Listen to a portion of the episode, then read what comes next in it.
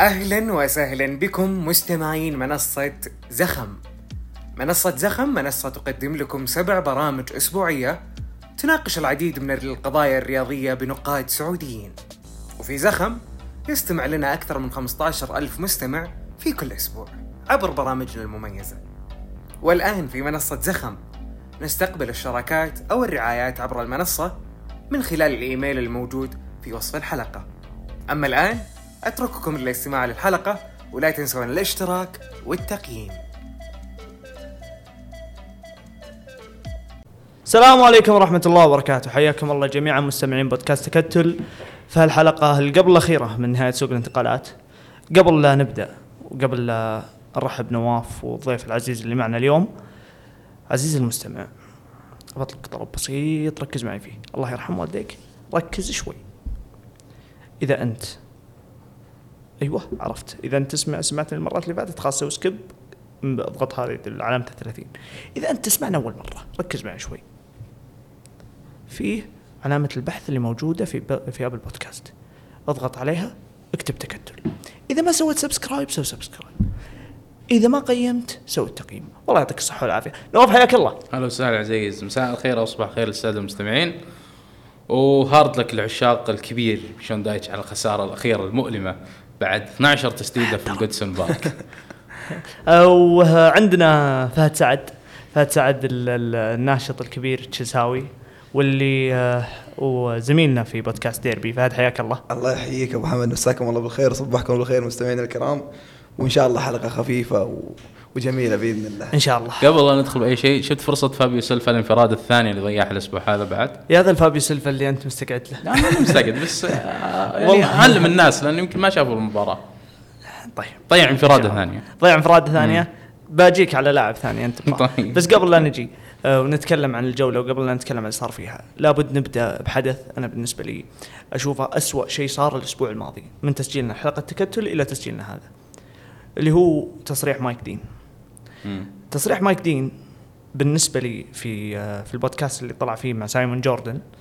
آه، طبعا هذا بودكاست مدته تقريبا ساعة وشيء ساعة وشيء كان يتكلم فيه مايك دين عن تاريخه كان يتكلم فيه عن بعض القضايا اللي تتعلق بقضايا الحكام كان يتكلم فيه عن مجموعة كبيرة من القضايا. لكن أطول جزء كان موجود في الحلقة هو جزء الفي اي ار جزء الفي اي ار هو كارثي لأبعد درجة.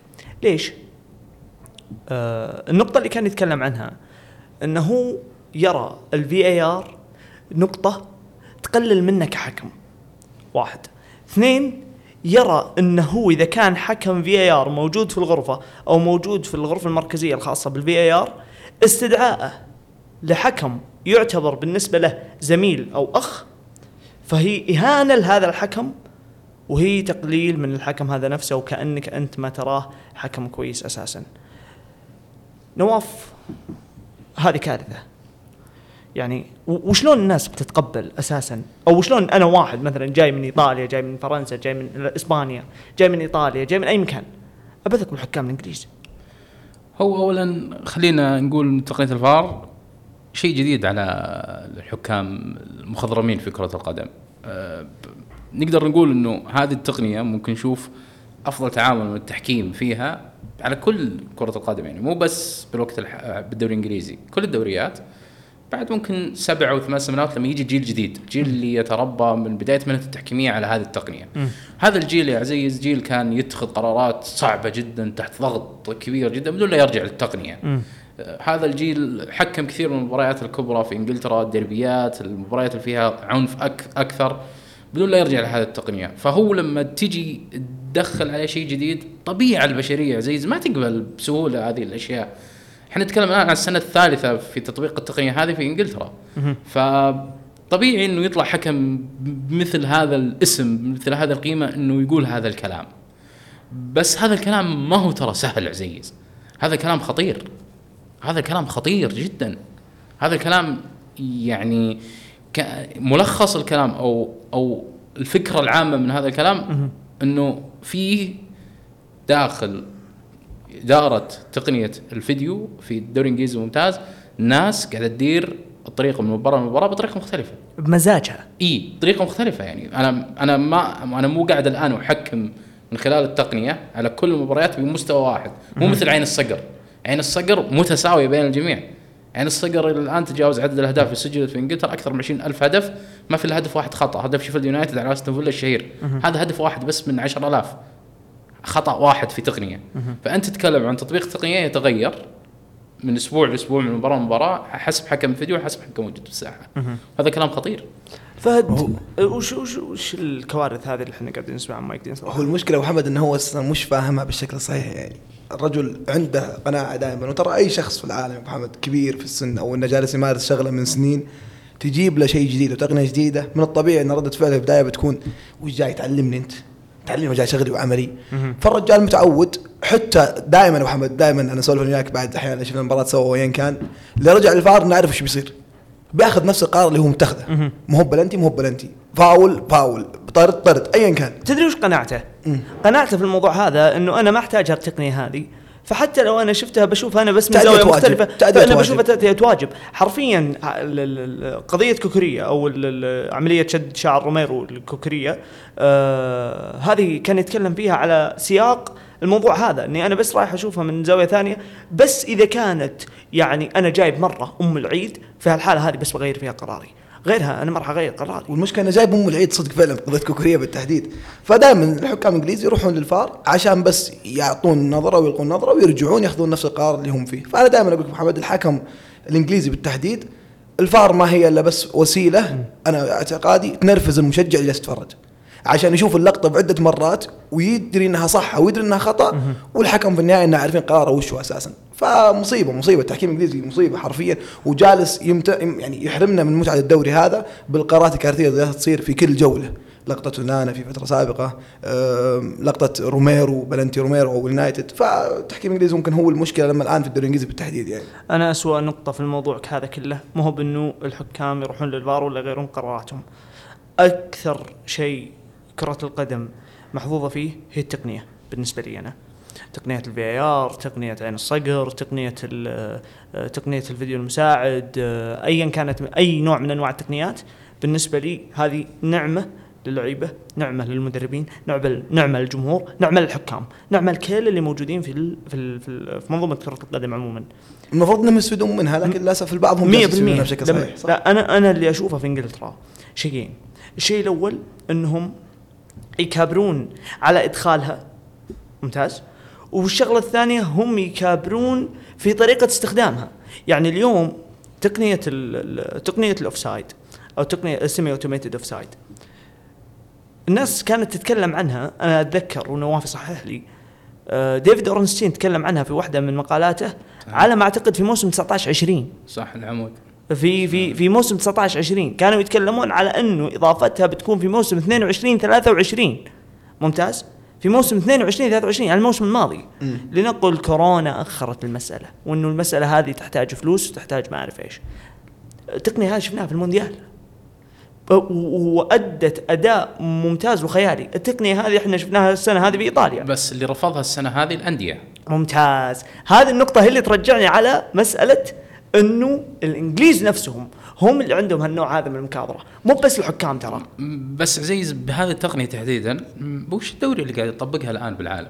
إيطاليا بس هل هل في أكثر من موسم؟ أه، في السنة هذه تم تطبيق الموسم حلو بالموسم الحالي تو تبدا ممتاز. تطبيقها تقنية الفار لو تذكر لما دخلت في إنجلترا دخلت في كل الدوريات الأخرى بعد ما دخلت دوري- سنتين. إيه، بعدين دخلت في إنجلترا ممتاز. الفكرة إنه رؤساء تنفيذيين في الأندية أذكر قريتها في التلغراف أو ديلي ميل على ما كنت غلطان إنهم يبون تقارير أكثر ودراسه أكثر على أي إضافة للدوري عشان لما أضيف شيء ما أشيله. يوم أضفت الفي اي ار وش كانت الت- وش كانت الإضافة؟ كانت أسوأ استعمال للفي اي آر بشهادة كل الحكام وشهادة الايفاب حلو. والدليل على أن اسوء استخدام أنا أتفق معك والدليل إنه رؤساء مركز التحكيم سنتين يتغيرون. مو ثابت الرئيس. فبالتالي في خطأ في العمل. إحنا متفقين إنه في خطأ في العمل. اليوم التحكيم الإنجليزي أساسا هذا الموسم إحنا الآن خلصنا ثلاث جولات. شيء كارثي اللي قاعد يصير مقررات الحكام يعني. تكلم عن كرت أحمر ما هو كرت أحمر صحيح. بوجود التقنية واستئناف والغاء الطرد حق أليستر. تكلم عن طرد آه، نونيز لاعب آه، ولفرهامبتون اللي كرت الأصفر الأول ما هو صحيح. ركلة الجزاء آه، اللي ما احتسبت. لولفرهامبتون. تكلم عن اليوم كمان نو- نوتنغهام فورست بيرفع شكوى على على التحكيم في مباراة مانشستر ونوتنغهام. إحنا نتكلم عن كرت أصفر حصل عليه تومياسو قبل الطرد الأول بسبب تأخير إضاعة وقت لمدة 30 ثانية حصل على كرت أصفر. إحنا نتكلم عن باسي مدافع فولهام ما كنت طالع اسمه باسي أو شيء زي كذا آه، اللي انطرد. حصل كرت أصفر أول قبل الطرد بسبب إضاعة الوقت. القانون للتعديل هذا حق بطاقات صفراء اللي حصل بداية هذا الموسم قاعد يخلي كل جولة في ثلاث أربع كرات حمر. قاعد يخلي الحكام يتخذون قرارات في محاوله إنهم يفرضون قوة لكن هم ما يفرضون قوة. ماركو سيلفا ثلاث مباريات حصل على كرت أصفر المباراه الجايه ما راح يكون موجود. فأنت تتكلم عن قانون تم تعديله بفكرة إنه لازم سهل الكرت الأصفر عشان ما يكون في وقت فعلي إضافي. طيب هو الوقت الفعلي الإضافي زاد ما نقص. أنت أعلى معدل الآن بالدوريات الثلاثه في إنجلترا آه، ال League 1 وال League 2 وال Championship أقل منك وقت فعلي. أنت الدوري الوحيد اللي فيه أعلى وقت فعلي معدل الان بعد ثلاث جولات. مم. هم لعبوا أكثر منك وأنت أقل. 100% فأنت تتكلم عن عن مشكلة تحكيمية يعني في إنجلترا أزمة لأن ثلاث سنوات قاعد نعيش في أزمة. وما في حكام جدد صراحة كويسين. يعني يعني حرفيا حكام ع- حكام الإنجليز ما في حكام جدد على مو. على موضوع بس اللي قبل بس آه، ب- بروح لفهد. في الموضوع ذا بس عشان نختم فيه. موضوع موضوع إضاعة الوقت بالذات في رميات التماس أنا أشوفه من المواضيع المضحكه. بالذات. أنا أشوفه من المواضيع المضحكه ترنت الكسندر ارنولد اخذ كرتين أصفر هالموسم. الكرتين الأصفر كلها بسبب إضاعة الوقت صح. كلها فور ربع ساعه صح. ممتاز. الك... اللي يعرف ليفربول أو أي واحد يعرف كورة. ممتاز. يعرف ليفربول أو خلينا نقول مو بليفربول كل فرق الدوري. كل فرق الدوري لا جت عند رميات التماس يتنظمون مو بمزاجهم. يتنظمون بشيء يتمرنون عليه في, في, في التمرين. صحيح. فهذا التنظيم طبيعي إنه بياخذ لك ما بين خمس إلى عشر ثواني. صحيح. أنت ما بعد الثانية 11 تعطيك كرت أصفر. لو بترجع لأي لحظة من اللحظات اللي كانت في المواسم اللي فاتت رمية التماس بتاخذ لك يا طويل العمر 15 ثانية. وهذا الطبيعي لكن اللي قاعد يصير حرفيا حتى شيء- موضوع الصراحه حتى موضوع ال- ال- الفوط. إنك ما تحط فوط عند في الملاعب تمنع أي استخدام لتجفيف الكورة بالملعب باستثناء آه، تيشيرت اللاعب. تيشيرت اللاعب. هذا أثر. أمس في الجولة الماضية في المباريات كل المباريات في تحت المطر قاعد نشوف out في ايفرتون مباراه ايفرتون ولفرهامبتون أكثر من out لعب بطريقة خاطئة بسبب الأمطار. بورنموث توتنهام. أكثر من out لعب بسبب الأمطار. ليش تمنعني من الفوطه عشان تأخير 10 ثواني 5 ثواني. في ال League 1 وال League 2 نوت نوتس كاونتي مثلا الموسم الماضي سجل 13 هدف من ال out ليش تجي الحين وتقول لي والله خلاص الطريقة اللي أنت متعود عليها تلعب الموسم الماضي ترى ما أنت بلعبها السنة هذه. 100% غير طريقة لعبك بالكاملة. نوتس كاونتي كان متعاقد مع لاعب في يناير متخصص بالرميات التماس بس. من بعد ما وقع مع هذا اللاعب سجل ست أهداف إضافية. لأنهم شافوا في الجزء الأول من الموسم انهم يقدرون يسجلون أهداف من ال out فأنت تتكلم عن قضية تحكيم في قرارات يتم اتخاذها آه، بطريقة غريبة. بطريقة غريبة. التحكيم في انجلترا على طاري ال out أنا واقف أنا متيقن تماما إن برنتفورد بالتحديد صحيح. برنتفورد بالتحديد كان يتمرنون على الفكرة هذه. أحيانا حتى أتذكر في مباراة لعبوا ضد تشيلسي في ملعب برنتفورد كان لعيبتهم يروحون عند ال out ويحضنون يحاولون إنهم ياخذون out قد ما يقدرون. ويجي مدافع مدافع من برنتفورد عشان ينفذ ال out. فهذه فكرة يعني استراتيجيه هم يمشون عليها أساسا. أنت اليوم يوم حرمتهم منها وش وش استفدت أساسا؟ 100% في مباراة ليفربول وتشيلسي نيكولاس جاكسون كان في مرتدة طاح فيها وكان يطالب الحكم يأشر بيده إنه يلا ارفع كرت أصفر عطى اللاعب الثاني. مم. نيكولاس جاكسون اخذ كرت أصفر.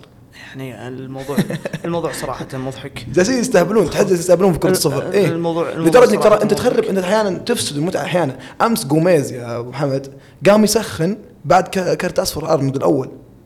دخلت ارنولد في بسبب- مشكلة بسبب أي بسبب دخلت مشكلة. اللاعب في و- دخلت اللاعب في متاهة دخلت المدرب في متاهة دخلت الفريق في متاهة بسبة شغلة جاوزت ثانية يا. رجل متعة المباراة. ما- متعة المباراة راح تقل لما تقل الالتحامات. لما أنا كأرنولد لما عندي اصفر من دقيقة 7 من دقيقة 6 طبيعي دقيقة 30 40 الالتحامات راح تكون أقل.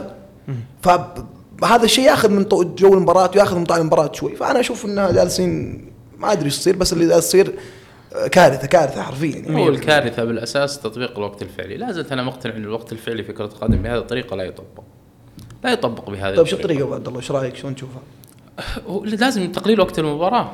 إذا تبي تطبق وقت فعلي لازم تقلل وقت المباراة. يعني 45 دقيقة على وقت فعلي كثيرة. تتكلم عن عن كرة القدم ما هي كرة سلة. في فرق بين كرة القدم وكرة السلة. يعني الآن آه، مثلا القنوات قاعدة تتأثر بالوقت الفعلي. في البث بين الش... بعد المباراة بين المباراتين أنا قاعد أنا شاري منك وقت. أنا عندي نص ساعة بين مثلا مباراة الساعة 6 ومباراه الساعة 7 أنا ب... يا أخي أنا بستغل هذا الوقت لي كناقل. فأنت حلك الأفضل في كرة القدم إنك تقلل ربع ساعة وطبق الوقت الفعلي. دقيقة دقيقة تلعبها بساعة واضحة للمشاهد. كيف المشاهد يعرف الوقت الفعلي؟ لازم يكون في حكم خاص بساعة الوقت داخل الملعب. حكم يضغط الزر ويفتح الزر مع كل لعب مع كل توقف باللعب مثل ما يصير في كرة السلة هل ممكن يكون الحكم الرابع هو اللي يحسب الوقت الفعلي؟ الحكم الرابع أعتقد مهامه مختلفة عن هذا الشيء، الحكم الرابع لا لا يزال، حكم يضاف خامس. الحكم الرابع الرابع مهمته إدارة المنطقة هذه والتبديلات صحيح. مهمة جدا لما تخليه يدير أكثر مهمة ما راح يحسب لك وقت الفعلي بشكل حقيقي زي, زي حكم التسلل حكم التسلل يجب أن يكون متفرغ للتسلل لو صح. صح. أدى أكثر من دور ما راح يدي لك التسلل صح فأنت محتاج حكم خامس يضاف على الطاقم التحكيمي لحساب ال- ال- الوقت الفعلي ولا راح تضيع بالوقت الفعلي؟ راح تضيع كثير. عشان بس ما تضيع الموا- المحاور. 27 دقيقة مهما- الجاي أصبر شلون دايتش؟ ناوي تكسير 27 المباراة الجاية. دقيقة؟ إيه. الرجال الله يرحم أيام بس. الله يرحم أيام. كان يضيع علينا مباريات كاملة 27 دقيقة. ال ال أنا متأكد إن الوقت الفعلي لمباريات شاندايش هي 40 دقيقة بس. صحيح. إيش ما؟ في مشكلة. وركز أنا. اللي تكسب العب اللي تكسب العب آه خلينا بس نروح آه للمباراة اللي المباراة الكبيرة حرفيا في الجولة هذه اللي هي مباراة نيوكاسل وليفربول. والمباراة اللي كانت دراماتيكية صراحة بال- بالسيناريو حقها وبال والأجواء المحيطة اللي كانت في المباراة والأجواء اللي كانت قبل المباراة. وكلنا نعرف بدون ما نذكر ال- الشيء الحقيقي الموضوع الانتقال الكبير اللي اللي الآن متداول وغير إنه آه، المباراة هذه مهمة ليفربول أساسا في إنها آه، يعني أول مباراة ك- يعني وش أنا أقول لك؟ بين واحد من الفرق اللي كانت موجودة السنة اللي فاتت وكان فعلا يشار لها بالبنان وغير كذا الملعب هذا ملعب جدا صعب والفوز عليه أم- يعني خلينا نقول من من 18 شهر على الأقل كان صعب جدا. ففوز ليفربول في هذه المباراة نبي نتكلم عنه وبنتكلم نتكلم عن تفاصيله وبنتكلم برضو عن نيوكاسل. نواف كيف شفت المباراة؟ آه، الصراحة بالموعد آه، يعني هي قمة الجولة أولا. امم يعني التوقع قبل المباراة لو كنت تشوف مباراة الجولة هي قمة الجولة. الأجواء قبل المباراة كانت مشحونة. تصريحات يورجن كلوب اللي من السنة الماضية أو بالأصح من استحواذ السعودي على نيوكاسل لليوم العداء بين ال- ال- المساعد تندر اللي تسبب يورجن كلوب بقانون الجديد لعدم وقوف أكثر من شخص على الخط بسبب تصريحاته. كانت الأجواء تقول إنه هذه المباراة مشحونة ونتائج الموسم الماضي نيوكاسل يعني خسر بوب بالنهايه الكرباو بسبب طرده ضد ليفربول خسارته في سان جيمس بارك الخساره بالوقت القاتل بالأنفيلد. كانت كل شيء يقول لك إنه هذه المباراة بتكون يعني مشحونة داخل أرضية الملعب. وفعلا لما بدأت المباراة من بداية المباراة كان في في يعني رغبة كبيرة من الفريقين للفوز كان الأجواء مشحونة. سان جيمس بارك كان جاهز مثل العادة. آه، شفنا شوط أول نيوكاسل كان فيه ممتاز سجل هدف كان قادر يسجل أكثر من هدف. كان قادر يصل كانت في مشكلة في انسجام عنده صراحة المحور الياباني هذا. انسجامه مع الفريق إلى الآن أقل بكثير من بقية المجموعة. كان كان يلعب نيوكاسل كثير على هذا اللاعب خلف الخطوط وكان نيوكاسل يحاول يخلص المباراة من الشوط الأول. لكن نيوكاسل ما توفق في الشوط الأول إنه يسجل أكثر من هدف. والصراحة والصراحه هذه من أحد المشاكل اللي يعاني منها نيوكاسل هذا الموسم في استغلال الفرص. لا يغرك عدد الأهداف يعني لو شفنا ثلاث مباريات لعب نيوكاسل لا يغرك عدد الأهداف يسجلوا نيوكاسل قاعد يضيع فرص كثيرة قاعد يضيع فرص كثيرة في الشوط الأول والثاني. ليفربول قدر يتعامل مع المباراة الصراحه الشوط الثاني تحديدا الشوط رهيب ليورجن كلوب. كل ما رفع نيوكاسل رتم ليفربول كان يهدي الرتم.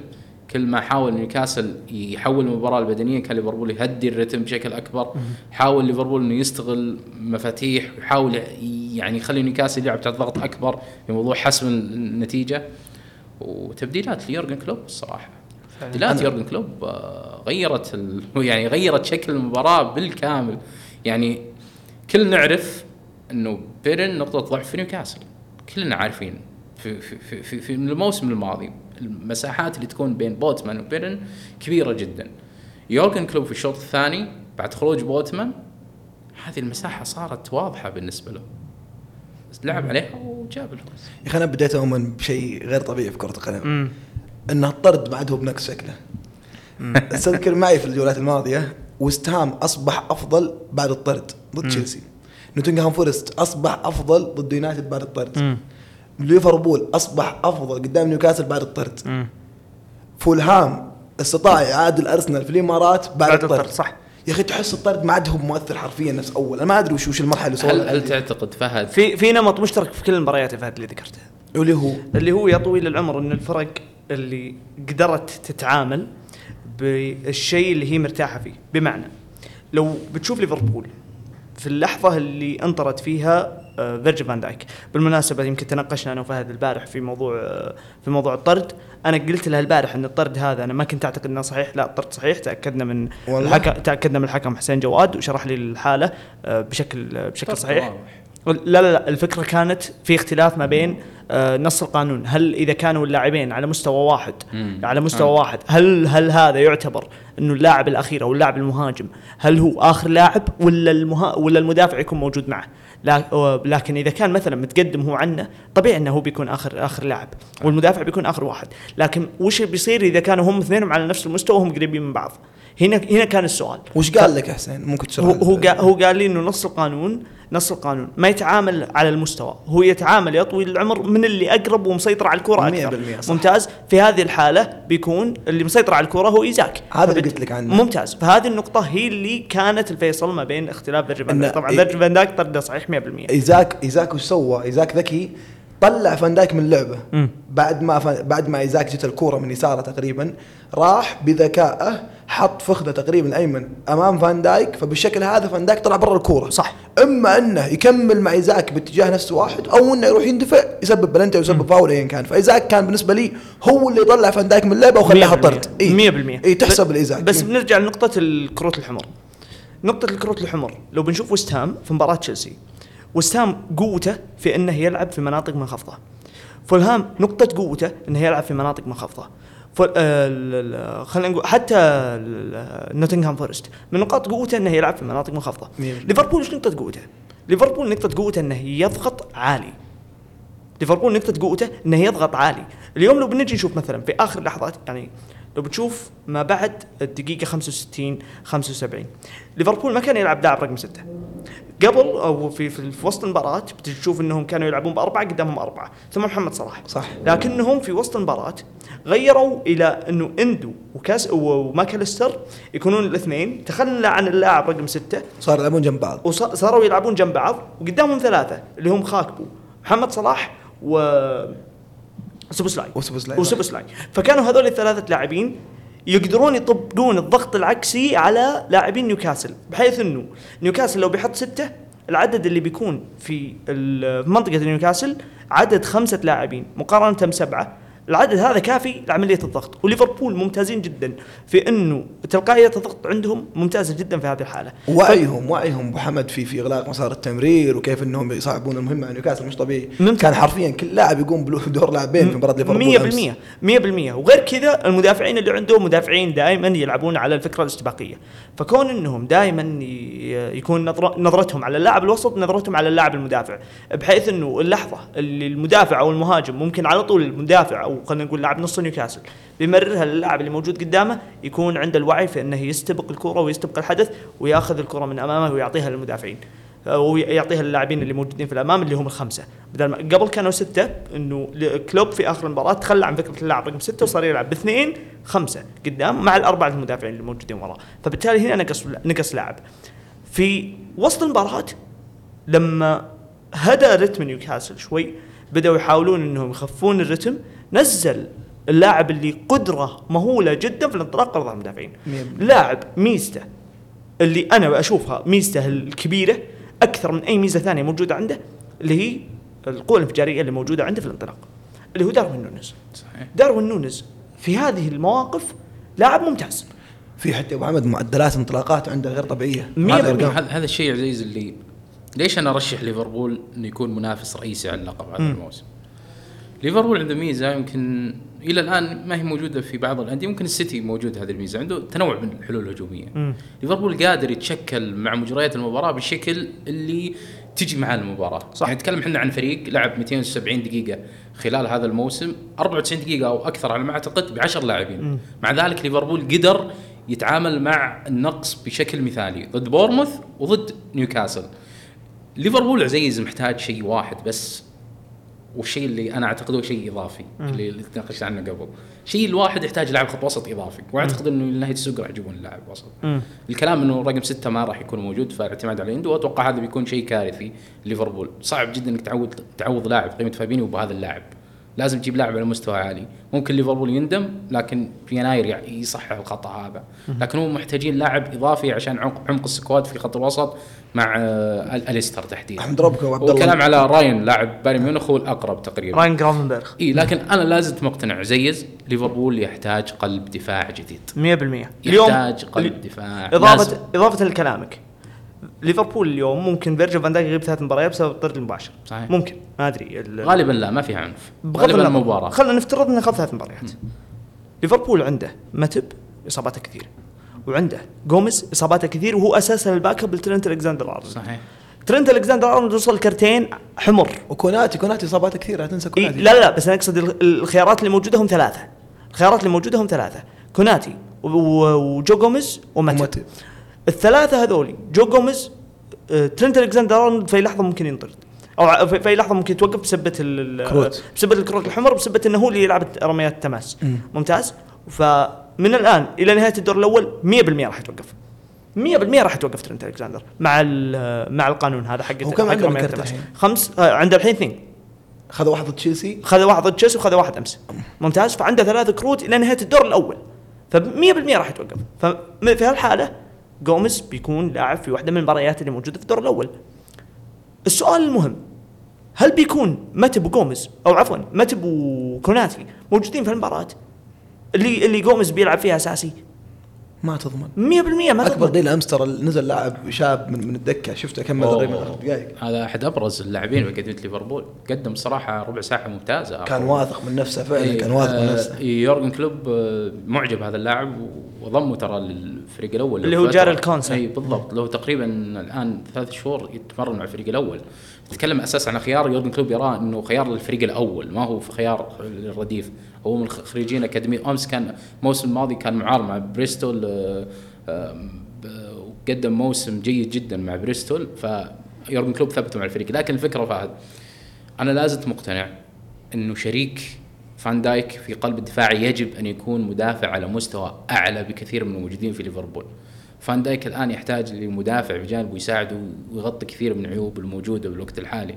هذا شيء يعني فان دايك الوقت الحالي ما هو فان دايك 2019 ولا 18 هذا واقع وحقيقه لا نقدر ننكرها. البطء باتخاذ القرارات الجاهزية الذهنية دائما عند فان دايك يعني آخر بعد درجة من الاصابه تقريبا عنده انخفاض بالجاهزية الذهنية سرعته باتخاذ القرارات. في أشياء كثير من دايك كانت مفقودة. لا زال كويس. ما نقول سيء بشكل كارثي. لا زال يلعب أساسي في ليفربول. لكن اللي جنبه لازم يكون على مستوى عالي. أنا مشكلتي يا أبو عبد الله ترى معهم. أنا أرى كوناتي يعني مثالي ثنائية مثالية في, ليفربول. لكن مشكلتهم انه في في أرنولد في اليمين وجالس يسوي فكرة من أرنولد أنا بالنسبة لي ماني مقتنع فيها تماما. فكرة إنه كيف يدخل وسط الملعب وكيف إنه يلعب ظهر المرمى أنا ماني مقتنع فيها تماما. فأعتقد جزء من مشكلتهم الدفاعية عدم وجود لاعب ستة ساتر دفاعي بمعنى الكلمة. ليش أنا أقول ممكن كايسيدو كان مهر الدوري حرفيا؟ لو جاء كايسيدو مع الشراكة هذه شيء طبيعي في ليفربول. شفت تبديل إيدي هاو اللي صار في الشوط الثاني خروج تونالي؟ شناير نزول لونجستاف إيه وش يعني إيش رايكم في التبديل؟ ما تعتقدون إنه من بعد خروج تونالي سلم إيدي هاو المباراة بالكامل لليفربول؟ فعلا تونالي ترى كان لاعب استحواذي لاعب استحواذي أكثر لاعب يتحكم برتم أكثر لونج ستاف لا تحسه مباشر مو على لاعب تقنيا يقدر يتحكم ما, ما, عندي. إحصائية لكن أعتقد إنه نيوكاسل خسر الكورة من بعد خروج تونالي أكثر من تواجد تونالي في الملعب. تبديلات ايدي هاو أمس ما كانت مفهومة باستثناء موضوع هارفي بارنز وويلسون لأن الفكرة قاعد يكررها في ثلاث جولات. صح إنه في جمهور نيوكاسل قاعد اقرا في تويتر إنه مشجعين نيوكاسل يقول جوردن حرام يطلع جوردن مقدم مباراة كبيرة مقدم. بس فكره ايدي هاو واضحة. آخر ربع ساعة أنشط العناصر الهجومية هارفي بارنز ويلسون يدخلون تصنع معي فارق. وكانت تصنع الفارق بالمباريات الماضية. لكن اليوم ما صنعت الفارق. ممكن تتغير فكرة في المباريات القادمة. لكن تبديل تونالي إلى الآن أنا ماني فاهم. النقطة الوحيدة اللي بتخليني أفهم تبديل تونالي هو النقطة اللي سيطر فيها يورجن كلوب من خلال كسب الكرات الثانية في هذه ال- ال- المباراة في الشوط الثاني. بالذات في الوقت اللي هو نزل فيه تقريبا دقيقة 72 75 شيء تقريباً. زي كذا. ففي هذه اللحظة هو الشيء الوحيد اللي بيخليني أفهم الموضوع هذا. تونالي كويس بدنيا. تونالي أفضل من لونج ستاف بمراحل شديدة في بالكورة. لكن وين النقطة؟ النقطة إنه ممكن لياقة المباراة ممكن خلينا نقول ال- العامل البدني ممكن إني أنا أنزل واحد أنشط في هذا الموضوع. ممكن يعطي جانب إضافي في الناحية هذه بالذات نيوكاسل فريق مميز في الجانب البدني بشكل كبير. فإنك تكمل الزخم هذا من خلال اللاعب ممكن يعطيك النقطة هذه.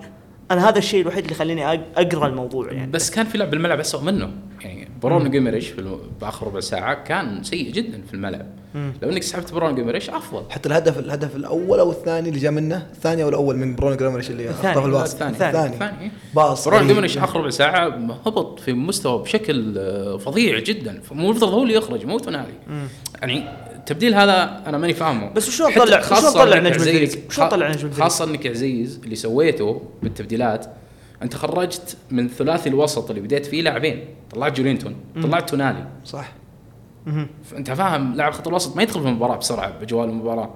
فتبديل تونالي أنا ماني فاهم. إلى الآن ماني فاهم إيش السبب الرئيسي اللي خلى وترى إيدي هاو ما جاوب بالمؤتمر تم سؤاله على موضوع تبديل تونالي. قال إنه التبديل طبيعي في المباريات يصير ما جاوب بشكل دقيق وصريح. إذا كان إصابة إذا كان تنشيط إذا كان ما لا جاوب. لا 100% فكرة فنية. هو فكرة فنية بس إيش هذه الفكرة؟ ماني فاهمها. لكن خسارة نيوكاسل اليوم آه، تراها كويسة. ما هي سيئة على الفريق. الفريق لازم يعرف يعني حجمه ال- ال- الفني اللي اللي ممكن يقتنع فيه ما يتضخم بعد هذا. تخيل نيوكاسل فاز على أستون فيلا في ملعبه وفاز على ليفربول. راح يكون خذ ست, ست, ست إيه. نقاط من تسع وجدولته أمام أستون فيلا وسيتي وليفربول. صحيح فأنت شيء. تتكلم عن شوي ثقة بتكون زايدة على المدى البعيد. بالإضافة إلى المباراه هذه أثبتت حاجة نيوكاسل للتحرك في الأيام الأخيرة وجلب لاعب خط وسط إضافي. انت عندك خيار الإعارة لازم تتحرك تحاول تخلص مع لاعب خط وسط. فالخساره ما شايفها كارثية على الأهداف الموضوع لنيوكاسل لكن السيناريو هو اللي الطريقة خلى- إيه. هو اللي خلى شيء. ممكن إيه السيناريو هو اللي يخليها كذي ناجي. أنت في آخر تقريبا 10 دقائق أو ربع ساعة خسرت المباراة تقريبا. صحيح. وب ب ب يعني خلينا نقول الأهداف جت بسيناريو واحد. الأهداف نفس اللعبة تحس نفس اللعبة. اللهم في واحدة بوتمان غلط سوى حركة غريبة فيها وراحت لنونيز. الهدف الثاني بتمرير محمد صلاح. يعني تحس إنها أنا لو إني مشجع نيوكاسل راح أكون مرة زعلان بسبب السيناريو. لكن لو جيتني قبل المباراه بتقول لي بتخسر من ليفربول بقول لا والله عادي. لكن ليفربول يلعب من دقيقة تقريبا 30 ناقص. وأنت كنت متقدم. لا سيناريو سيء جدا. وضعت فرص كمية فرص في الشوط الأول صح. مو طبيعية. فهذا السيناريو ممكن يخلي نيوكاسل زعلانين شوي عن المباراة. مم. النقطة اللي بختم فيها بس في الموضوع هذا اللي بالنسبة لي أنا أشوف أنه آه، تحملون جمهور ليفربول شوي. اللي شفته في ال timeline البارح. واللي شفته في أوقات كثيرة من انتقادات ليورجن كلوب. بل إني أنا أشوف إن في ناس كثير ولا أبالغ. أشوف في ناس كثير على الأقل من الناس اللي أنا أتابعهم عندي في ال timeline يعني. يمكن ما يكون هذا انعكاس لكل جماهير ليفربول لكن على الأقل اللي ممكن يعني أنا متأكد إن في ناس برضو يشاركونهم وجهة النظر هذه بالضبط. اللي هي إنه الناس حرفيا بدأت تنتقد يورجن كلوب على أتفه التفاصيل اللي موجودة في أرض الملعب والتفاصيل اللي موجودة برا أرض الملعب وأي قرار ممكن يسويه يورجن كلوب سيتم انتقاده مهما كان هذا القرار يعني اليوم انتقد اليوم بدل دياز بدل دياز. وخلق خاكبو يا كلوب يا اللي فيك يا اللي ما فيك آه كلوب نزل نونز نزل ليش ليش, ليش ينزل؟ ليش أنت تنزله الحين؟ ليش يا طويل العمر كلوب أنت ما جهزت نونز وخليته يلعب أساسي؟ كلوب أنت ظلمت نونز في المباريات اللي فاتت، كلوب أنت خليت نونز يطلع بالصورة البايخة السنة اللي فاتت، كلوب أنت اللي خليت ترنت ألكسندر أرنولد، كل الفريق سيء بسبة كلوب، طب وشلون فزت؟ طب وشلون تلعب؟ طب دقيقة. معناته أنا افهم منك إنه كلوب مو بجالس يسوي ولا شغلة صح. يعني أنت طالب اقالته هذا جنون. والله هذا جنون. اللي أنا قاعد أشوفه جنون من جمهور ليفربول. الناس أعرفوا النعمة اللي أنتم فيها يا جمهور ليفربول أعرفوا النعمة اللي أنتم فيها لأن هذا إسفاف بالنعمة هذا إسفاف بالنعمة إنك أنت تطالب بإقالة يورجن كلوب هذا إسفاف بالنعمة هم هم البعض يا أبو حمد ليش أفهم النقد فانا إيه. وأنا أنا وياك نجلد في نونز جلد قاعدين قاعدين ننتقد فيه إيه. ونقول ليش جاب نونز؟ ولا الوم الناس إنها تنتقد ليش جاب نونز.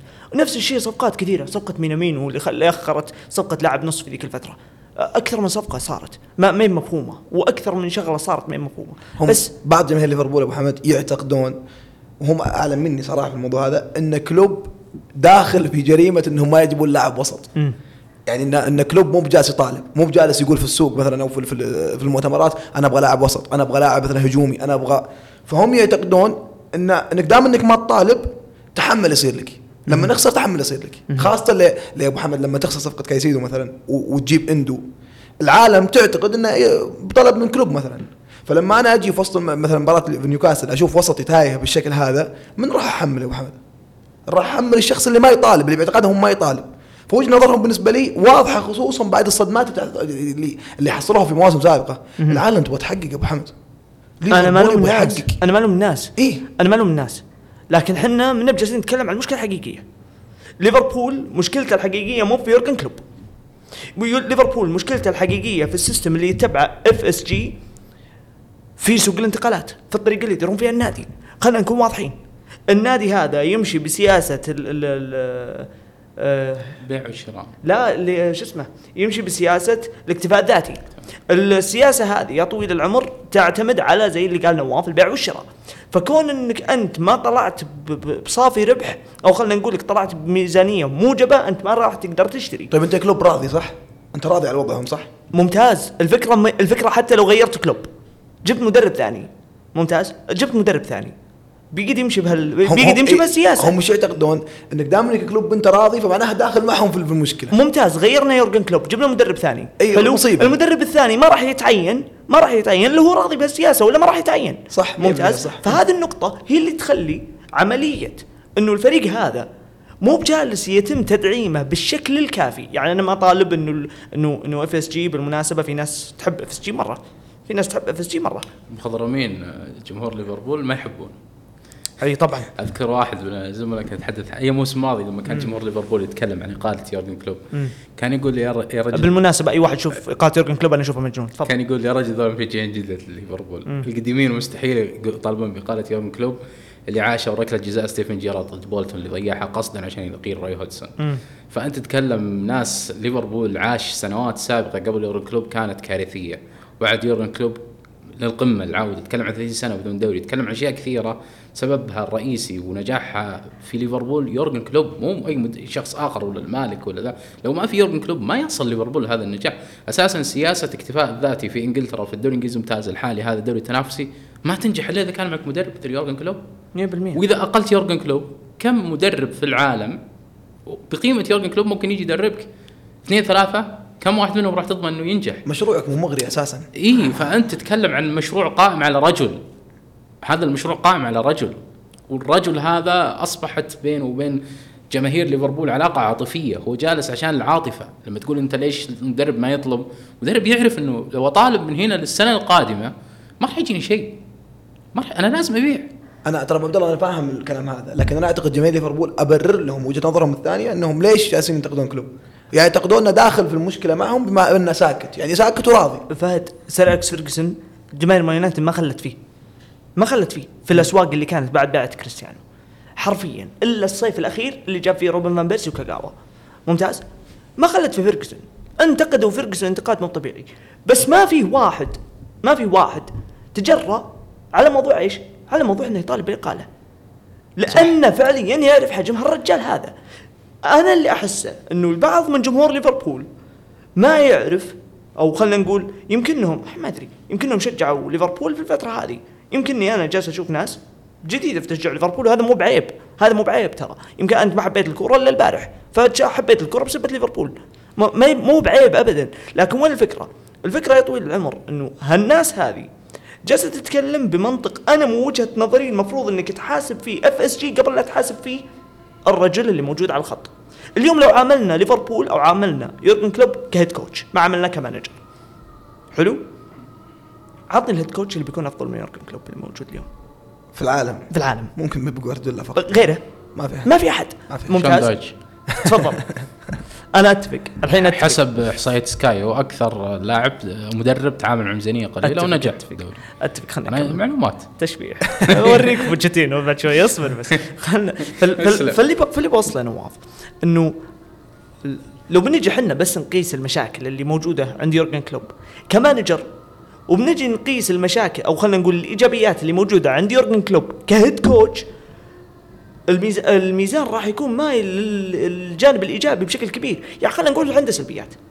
فرقسون عنده سلبيات وبيب جوارديولا كل عنده شخص سلبيات. عنده كل سلبيات. م... ما في واحد يشتغل ثمان سنين بدون ما يخطي. 100% 100% ما في واحد يشتغل ثمان سنين بدون ما يخطي. يمكن ليفربول يورجن كلوب أنا يمكن أقدر أسوي thread كامل بأخطاء يورجن كلوب في ثمان سنوات. بس هذا طبيعي. ثمان سنين انت شلون ما تخطي؟ أساسا لازم المدرب يخطي. هذا الكلام. فاللي أنا جالس أشوفه جالس أشوف شيء بالنسبة لي غريب جدا مستهجن جدا. أتمنى يتم إقالة يورجن كلوب عشان يتعين فريقي صح إنه منافسين صح. 100% موضة تويتر هذه. شكرا الله. ما عليه. موضة تويتر. طيب خلونا بس نقفل ملف مباراة ليفربول ونروح لمباراة أرسنال وفولهام. آه، أول تعثر لأرسنال في في الموسم في ملعب الإمارات. آه، كم أخذوا هم علشان يتعثرون السنة اللي فاتت في ملعب الإمارات؟ صراحة يعني أنا اتذكر مباراة آه، نيوكاسل. طولوا طولوا مباراة نيوكاسل إيه. بعد كاس العالم يعني تقريبا في في ال Boxing Day في ال Boxing Day تقريباً. تقريبا واليوم هم تعثروا في الجولة الثالثة في المباراة الثانية في ملعب الإمارات. فهذا شو اللي جالس يصير؟ أنا بالنسبة لي إن كان في شيء في أرسنال أو كان في شيء بيخسر أرسنال الدوري الموسم الم- هذا أو إنه بيخلي أرسنال مو منافس إدارة أرتيتا سوق الانتقالات باعتقادي يعني مم. أنا أبو محمد اللي اعتدته. فريق منافس على الدوري أو قريب منه يحقق دوري راح الموسم اللي بعده يطور يطور أفكاره الموجودة يجيب جودة أعلى. ما أعتقد في مدرب بيبغى يجيب دوري يروح يجيب لاعب مهزوز في تشيلسي له فترة طويلة. رجل مو بلاقي نفسه في تشيلسي أساسا. أنت جاي طب بتخلي طب يمكن المشكلة فيكم. إي أنت جاي بتخلي بتخليه يلقى نفسه في أرسنال.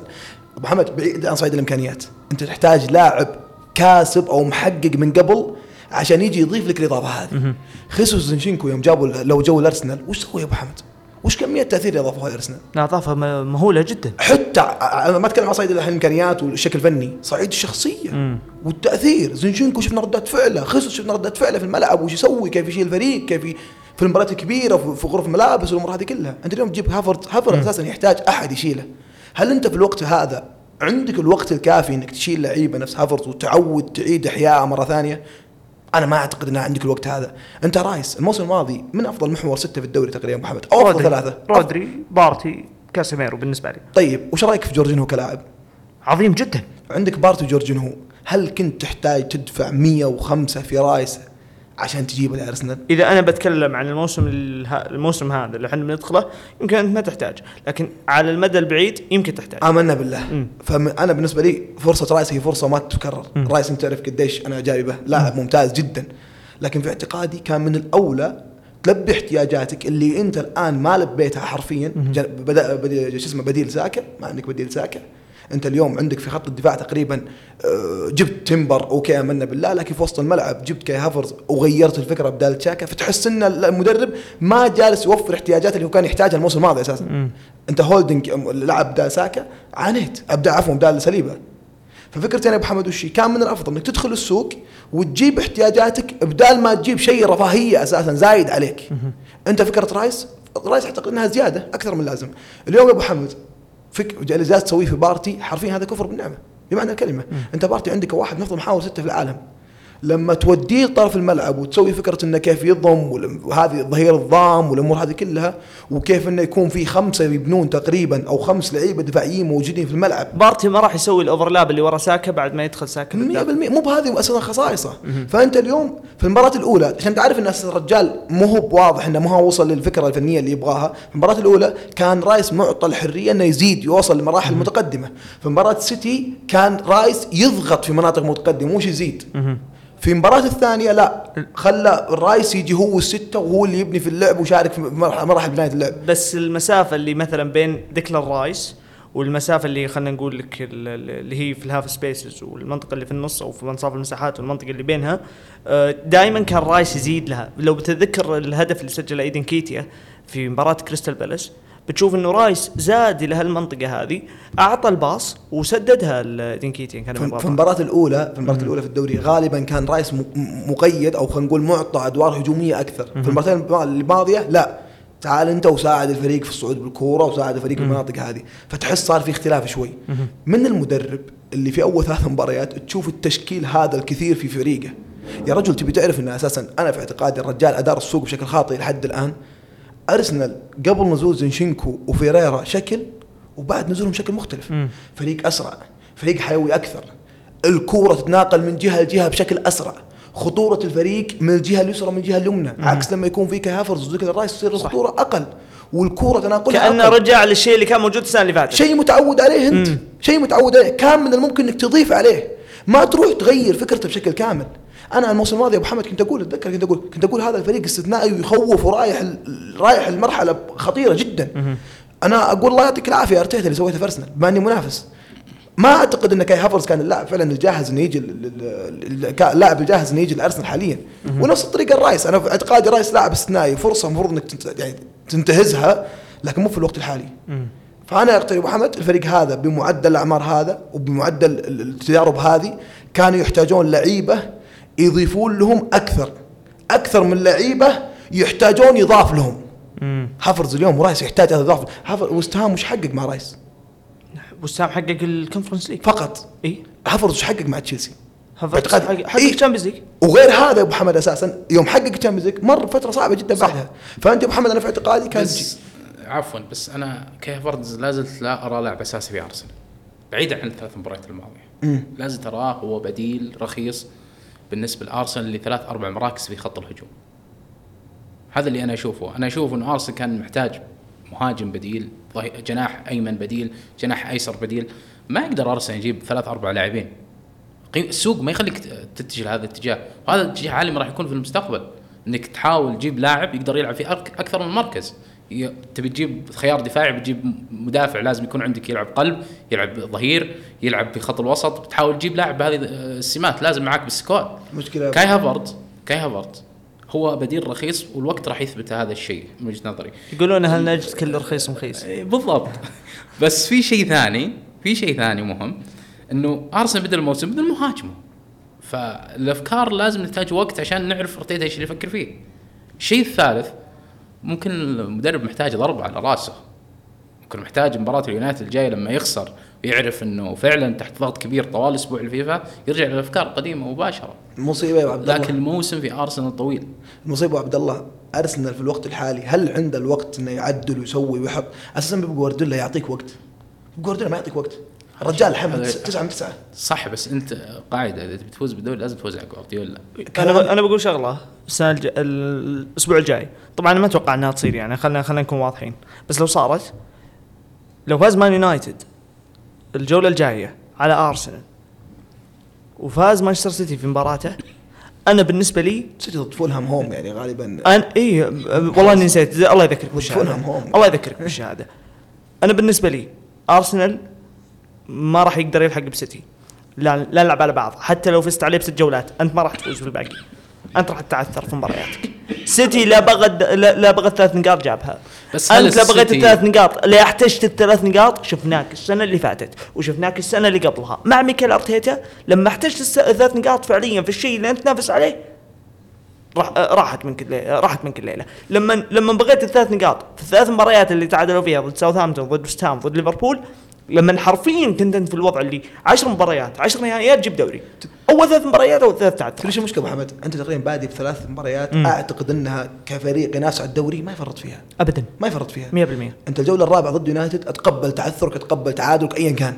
لكن ثلاث مباريات تطلع منها بتسعة ضد بتسعه من تسعة. اليوم لا مستواك لا مستواك ولا حتى نتيجة كاملة جبتها أساسا النتيجة اللي تسعة من تسعة. ال- الصادم بالنسبة لي في أرسنال قريت أمس إحصائية وقت المباراة الصراحه صادمة جدا. في آخر 21 مباراة لنادي أرسنال بالدوري على ملعبه في الاميريت خرج في أربع مباريات فقط بشباك نظيفة. وهذه نمط متكرر. يعني خليني أقول لك الموضوع هذا بالذات. من بداية الدور الثاني من بداية الدور الثاني أرسنال كان ترى آه، يعني في الدور الأول كانوا من أفضل ثلاثة دفاعات في الدوري.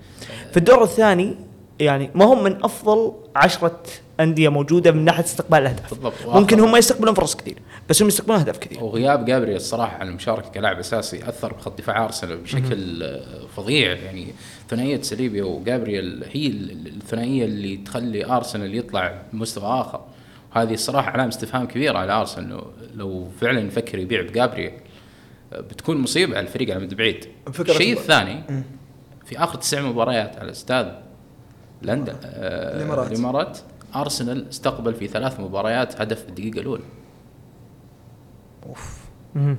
فهذا نمط أيضا متكرر في موضوع عدم الدخول في المباراة بشكل مبكر.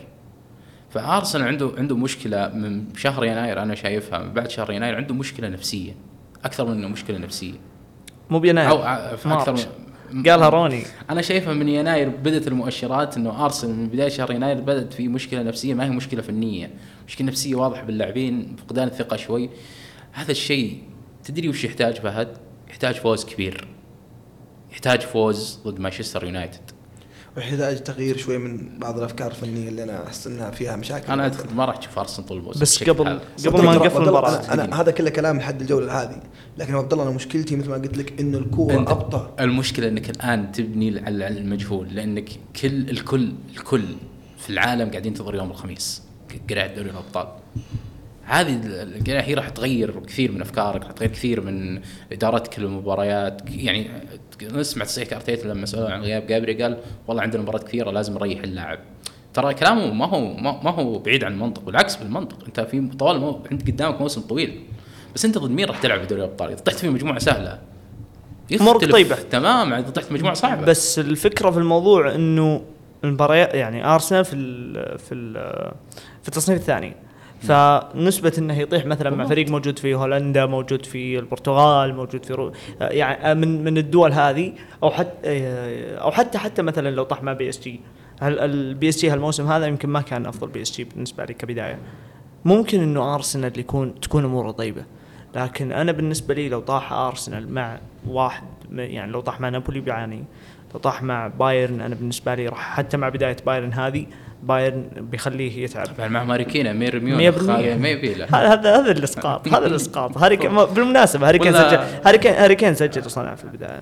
صح هذا. مين أمس كين هاري كين هاري كين لابد إن إحنا نجيبه بودكاست تكتل. بس بلنتي آه، أفضل من سجل ركل الجزاء في العالم. طيب. نعم. المهم إنه قرعة دوري الأبطال آه، بتحدد كثير من المسار صح. آه، ترى على فكرة أنا أبو عبد الله أتوقع ارسنال يروح بعيد في الابطال أنا أنا لا مو لا مو يعني توقع لازم ارسنال يروح تدري بعيد. ليش تدري ليش يعني بيروح بعيد؟ ليش بيروح بعيد؟ لأنه اليوم يلعب خلف الكرة أحسن بالكره ودوري ابطال اوروبا على الأقل عودتني إن الفريق اللي يلعب خلف الكرة بشكل ممتاز ويدافع مناطقه بشكل ممتاز يوصل بعيد ممتاز. خلونا بس آه، ب- بس قبل ما نقفل مباراه أرسنال وفولهام قبل أرسنال فلهام شفت فرصة تراوري الأخيرة؟ شفتها. لو جت هدف انهيار انهيار شفتها انهيار راح تكون. والله والله انطلاق يا أبو عبد الله. والله هذا اللاعب أدامة. على طاري الانطلاق أبو محمد ودي نروح رحيم ستيرلينج لا لا قبل قبل رحيم قبل رحيم آه النقطة اللي النقطة اللي بتكلم فيها إنه هالنقطة هذه مهمة جدا لفولهام من ناحية إنه هذا الفريق اللي بيجي يشوف المشاكل اللي كان يعاني منها أو اللي كانت تعاني منها فرق ماركو سيلفا مع إيفرتون ومع واتفورد ومع هال سيتي. في اللحظات الصعبة اللي ممكن تواجه الفرق قبل بداية الموسم أو في بداية الموسم أو في أي مشاكل من هالمشاكل هذه. يعني لما يخرج نجمك الأول طبيعي تصير في مشاكل إذا ما في تعويض. ممتاز؟ بالذات إذا أنت ما جبت واحد قبيل له. ممتاز؟ يعني آه، اليوم خيمينيز ما هو بقبيل لمتروفيتش اليوم متروفيتش قبيله واحد زي مثلا ممكن يكون واتكنز. مثلا يكون واتكنز بغض النظر من الأعلى بس قبيله واتكنز. يعني لما يجلسون على نفس الطاولة. اليوم فولهام ما جاب هاللاعب. وإلى الآن هو ما جاب هاللاعب. ما ندري هو هل بيجيب اللاعب هذا ولا لا. غالبا بيجيب أربع صفقات. خلص اليوم مع كستاني. وخلصوا مع حارس بديل من بريستول سيتي. وباقي أربع صفقات. الكلام مهاجم. مهاجم لازم. شيء أساسي. خيمينيز ما ينظر اليه كلاعب مية اساسي بالمية. بس مين مهاجم؟ مي ه- هذه الفكرة. النقطة ما هنا النقطة إنه هذا الشيء مهم جدا لمعنويات الفريق في اللحظة الضبابية. اللي كانت آه، موجودة في فولهام في الأسبوعين الثلاثة الماضية. زائد نقطة ثانية. هذه أول مرة يمكن تقريبا أو على الأقل على متابعتي البسيطة. ماركو سيلفا إنه فريقه في اللحظات الصعبة دائما يكون متماسك. وهذا الشيء انعكس على لعيبته. انعكس على لعيبته فعليا في ارض الملعب. لما كنا نشوف ماركو سيلفا في, في هال سيتي كان دائما لما الفريق تهجبه تهجبه حرفيا. في نفس الشيء في إيفرتون نفس الشيء في واتفورد ونفس الشيء في هذا. فهذه النقطة ممكن آه، يشار فيها البنان في آه، ماركو سيلفا من اللقطات اللي شفتها أنا في المباراة عيسى ديوب. عيسى ديوب أنا بالنسبة لي واحد من المدافعين الجيدين. واحد من المدافعين اللي خامتهم جيدة جدا واللي كان دائما في تفكير ديدي ديشام بانه يتم استدعائه وإنه يكون واحد من اللاعبين اللي ممكن يكونون بدلاء للبدلاء اللي موجودين لو لو ما تم استدعائهم في المنتخب الفرنسي. لكن أنا أعتقد عيسى ديوب في مباراة أرسنال من اللقطات اللي أنا شفتها تحديدا بالذات من الدقيقة 75 للدقيقة 85 في هذيك اللقطات كان مقدم مستوى حتى مستوى حتى خرافي. كالفن كالفن شو اسمه هو كالفن آه، باسي على ما أعتقد مم. اللي كان مع رينجرز وراح لاياكس ورجع الآن. حتى بالينها. تراه مدا- مدافع ممتاز أتوقع إنه اثنينهم راح يسوون ثنائية ممتازة مع تواجد بالينها اللي هو أنا أعتقد أك- يعني من المكاسب الكبيرة اللي احتفظ فيه فولهام يعني ترى وصل لهم عرض ب 45 مليون رفضوه رفضوا يبيعون اللاعب قيمة كبيرة جدا جدا بالينا ابو عبد الله. بالضبط. بس قبل لا نطلع من فولهام وش معنى كلمة هج به عشان المصاريه يعني آه نعاني معاهم. والله نعاني معهم. هج أنت يعني يعني شيء هج. يعني فقد السيطرة. فقط الصيد فقد السيطرة. حاول تكون هجبة؟ إيه. ه- هجت به يعني فقد هجت به. السيطرة. إيه، إيه. فقد الصيد. عشان المصاري يمزجون المصطلحات. اي لا لا لا لا شو اسمه آه، معهم حق معهم حق صراحة. لكن آه، خلونا بس ننتقل آه، المحور هذا صراحة أنا اللي حطيته يعني لأن أنا عندي فكرة بوصلها اليوم أنا من وجهة نظري أفضل لاعب ثلث هجومي موجود كأداء في ثلاث مباريات. في كل الفرق اللي أنا شفتها في البريمير ليج لا هو بيرلينغ هالاند ولا هو محمد صلاح ولا هو ما أدري ولا هو بساكا ولا هو مارتينيلي ولا هو بجابرييل خيسوس ولا هو هو بفابي بإيدن سيلفا. نكيتيا ولا هو ولا هو. لا لا لا فابي سيلفا هذا ثاني أفضل لاعب لعب مرتين أساسي ولا هو براشفورد. ابدا ولا هو براشفورد ولا هو بأي واحد من الموجودين أفضل لاعب قدم مستويات من وجهة نظري الشخصية هو اللاعب اللي كان يرى على أنه عاهه السنة اللي فاتت والسنة اللي قبلها وهو اللاعب اللي كان يرى على أنه لاعب لن لم ولن يكون نجم اطلاقا. هو اللاعب اللي كل مره كل مرة يقدم فيها مستوى كبير. دائما يروحون للاعب اللي بعده. ما يروحون له يروحون للاعب اللي بعده. سواء قدم هو مستوى ممتاز ولا ما قدم مستوى ممتاز. دائما يروحون للاعب اللي بعده. أو إذا كان في نجم متفوق عليه إذا كان في نجم متفوق عليه فهو يعني كنجم ثاني ابدا لا يذكر وابدا ما ينجاب له طاري ينجاب ينجاب طاري الحارس اللي يتألق في تصدي واحد ولا ينجاب طاري هاللاعب هذا أنا أتكلم من ناحية إعلامية آه في في في إنجلترا تحديدا لا حتى عربيا حتى في استديوهات 100% 100% السبورت ما من أكثر من. أكثر اللاعبين اللي يتعرضون لعمليات التهكم اللي شفتها في حياتي صح. للاعب نجم صح. للاعب نجم ما أتكلم عن لاعب عادي ما أتكلم صح. عن لاعب متوسط لا أتكلم عن لاعب نجم اليوم رحيم ستيرلينج بالنسبة لي يعرف مرة ثانية قديش إنه اللاعب إذا كان محافظ على لياقته البدنية محافظ على ثباته الذهني محافظ على الشيء اللي هو كان متعود دائما يسويه. لو مر بموسم سيء أو موسمين سيئة فهو مو معناته إنه لاعب سيء لأن اللاعب اللي يمتلك الجودة اللي يمتلك الشخصية واللي محافظ على إمكانياته البدنية ترى في أي لحظة ممكن يرجع. وإذا رجع اللاعب هذا بيقدم مستوى ممتاز. اليوم رحيم ستيرلينج في مباراة لوتن تاون. حرفيا مقدم مباراة ممتازة جدا. فهد ممكن يتكلم أكثر عن رحيم. ممكن يفصل أكثر في مباراة رحيم. أكثر مني. لكن اللي قدمه رحيم ستيرلينج في الثلاث مباريات فعليا ما في لاعب في الثلث الهجومي موجود في البريمير ليج كامل. لا هالاند ولا غير هالاند قدم الشيء اللي قدمه رحيم. فهد إيش قدم رحيم الأسبوع اللي فات؟ أه شوف أنا أبو محمد تعرف رأيي من رحيم من لحظة تعاقد تشيلسي مع رحيم ستيرلينج أنا اراه واحد من أفضل الاجنحه في الدوري في في آخر عشر سنوات على الأقل. أه هذا فعلا الجناح اللي يحتاجه تشيلسي الجناح الهداف. لأن خاصة انت عارف تشيلسي الموسم الماضي كان يعاني في موضوع التسجيل. فرحيم ستيرلينج جاي على الأقل أنا كنت أقول لك اتذكر كنت أقول لك أتوقع من رحيم أقل شيء أقل شيء 10 أهداف في الموسم. أقل شيء. بدايته أساسا من من بداية قبل الموسم. لما سألوه قال انت أنت وش تتوقع لك الموسم هذا؟ بمعنى كلام يعني كان يقول أنا بكون هداف تشيلسي هذا الموسم. هذا شيء متوقع من رحيم ستيرلينج. رحيم ستيرلينج بالنسبة لي أبو محمد مو هو بجالس ياخذ القدر الكافي اللي يستحقه فعلا. رحيم ستيرلينج اليوم كان في شيء لابد يشاد فيه يشاد في بوتشيتينو أبو حمد لابد يشاد فيه صراحة. توظيف بوتشيتينو له يا أبو حمد أظهر نقاط قوته الاستثنائية. دائما من من أول السنة محمد. رحيم ستيرلينج من نوعية اللعيبة اللي يحب يمسك الكورة وهو ينطلق بها للمدافع. هو يروح بيدخل بها للمدافع أو يدخل بها للمنطقة. في فترة توخيل تقريبا كان لا. يتواجد على الجهة اليسرى وكان يتواجد في أنصاف مساحات ويتواجد قريب المنطقة. فكان ما في وقت إنه ياخذ الانطلاقة هذه ويجي يقابلك بسرعته. بل لا. مساحة ضيقة فيتعامل معها بشكل غريب شوي ثم يبدأ تضيع الكرة أو أيا كان يتعامل من- معه كأنه راس حربة. بالضبط اي فكان يعاني في الفترة هذه. جاء بوتر وظفه برضو على الطرف الأيسر كذا لكن وضعية تشيلسي كانت كلها تعبانة فما كنا نوصل ولا كنا أصلا نلعب كرة قدم تقريبا فترة من الفترات أساسا. وبرضه رحيم ستيرلينج على المستوى البدني كان يعاني أساسا الموسم الماضي. رحيم ستيرلينج ما كان يصاب ابدا في السيتي ما شاء الله تبارك الله لفترات بسيطة. في تشيلسي الموسم الماضي غاب لفترات طويلة بسبب عضلات إصابات عضلية وايا كان. غير انه غير إنه يعني هذه نقطة لازم تذكر. رحيم ستيرلينج أو لاعبين آخرين مثلا تذكر هاري ماجواير لما راح اليونان؟ وبدأ بداية سيئة. صحيح. لما صارت قضية اللي صارت في اليونان. مم. لعب مباراة كريستال بالاس مباراة كارثية ولعب مباراة برايتون مباراة كارثية ولعب مباراة توتنهام 6-1 صحيح. كل الإعلام الإنجليزي دافع عن هاري ماجواير كأنهم يدافعون عن إليزابيث. تتذكر صحيح. ممتاز. وجابوا الجوانب اللي تتعلق بالقضايا والجوانب اللي تتعلق بأنه النفسية وما النفسية. رحيم ستيرلينج من اللي يتذكر وش اللي صار قبل مباراة فرنسا وإنجلترا؟ ما حد قطش ما حد يتذكر وش اللي صار. اللي, ص... اللي, اللي ما أعتقد إن في حتى المستمع الكريم أعتقد إنه نسى وش صار قبل مباراه انجلترا وفرنسا هذه النقاط صح. هذه النقاط هي اللي تخليني أقول إنه رحيم ستيرلينج من أكثر اللاعبين المظلومين في الثلث الهجومي في تاريخ البريمير ليج. لو بنجي نتكلم بالواقع لو بنجي نتكلم كمسيرة رحيم ستيرلينج من اللاعبين اللي يقدمون مستويات ممتازة.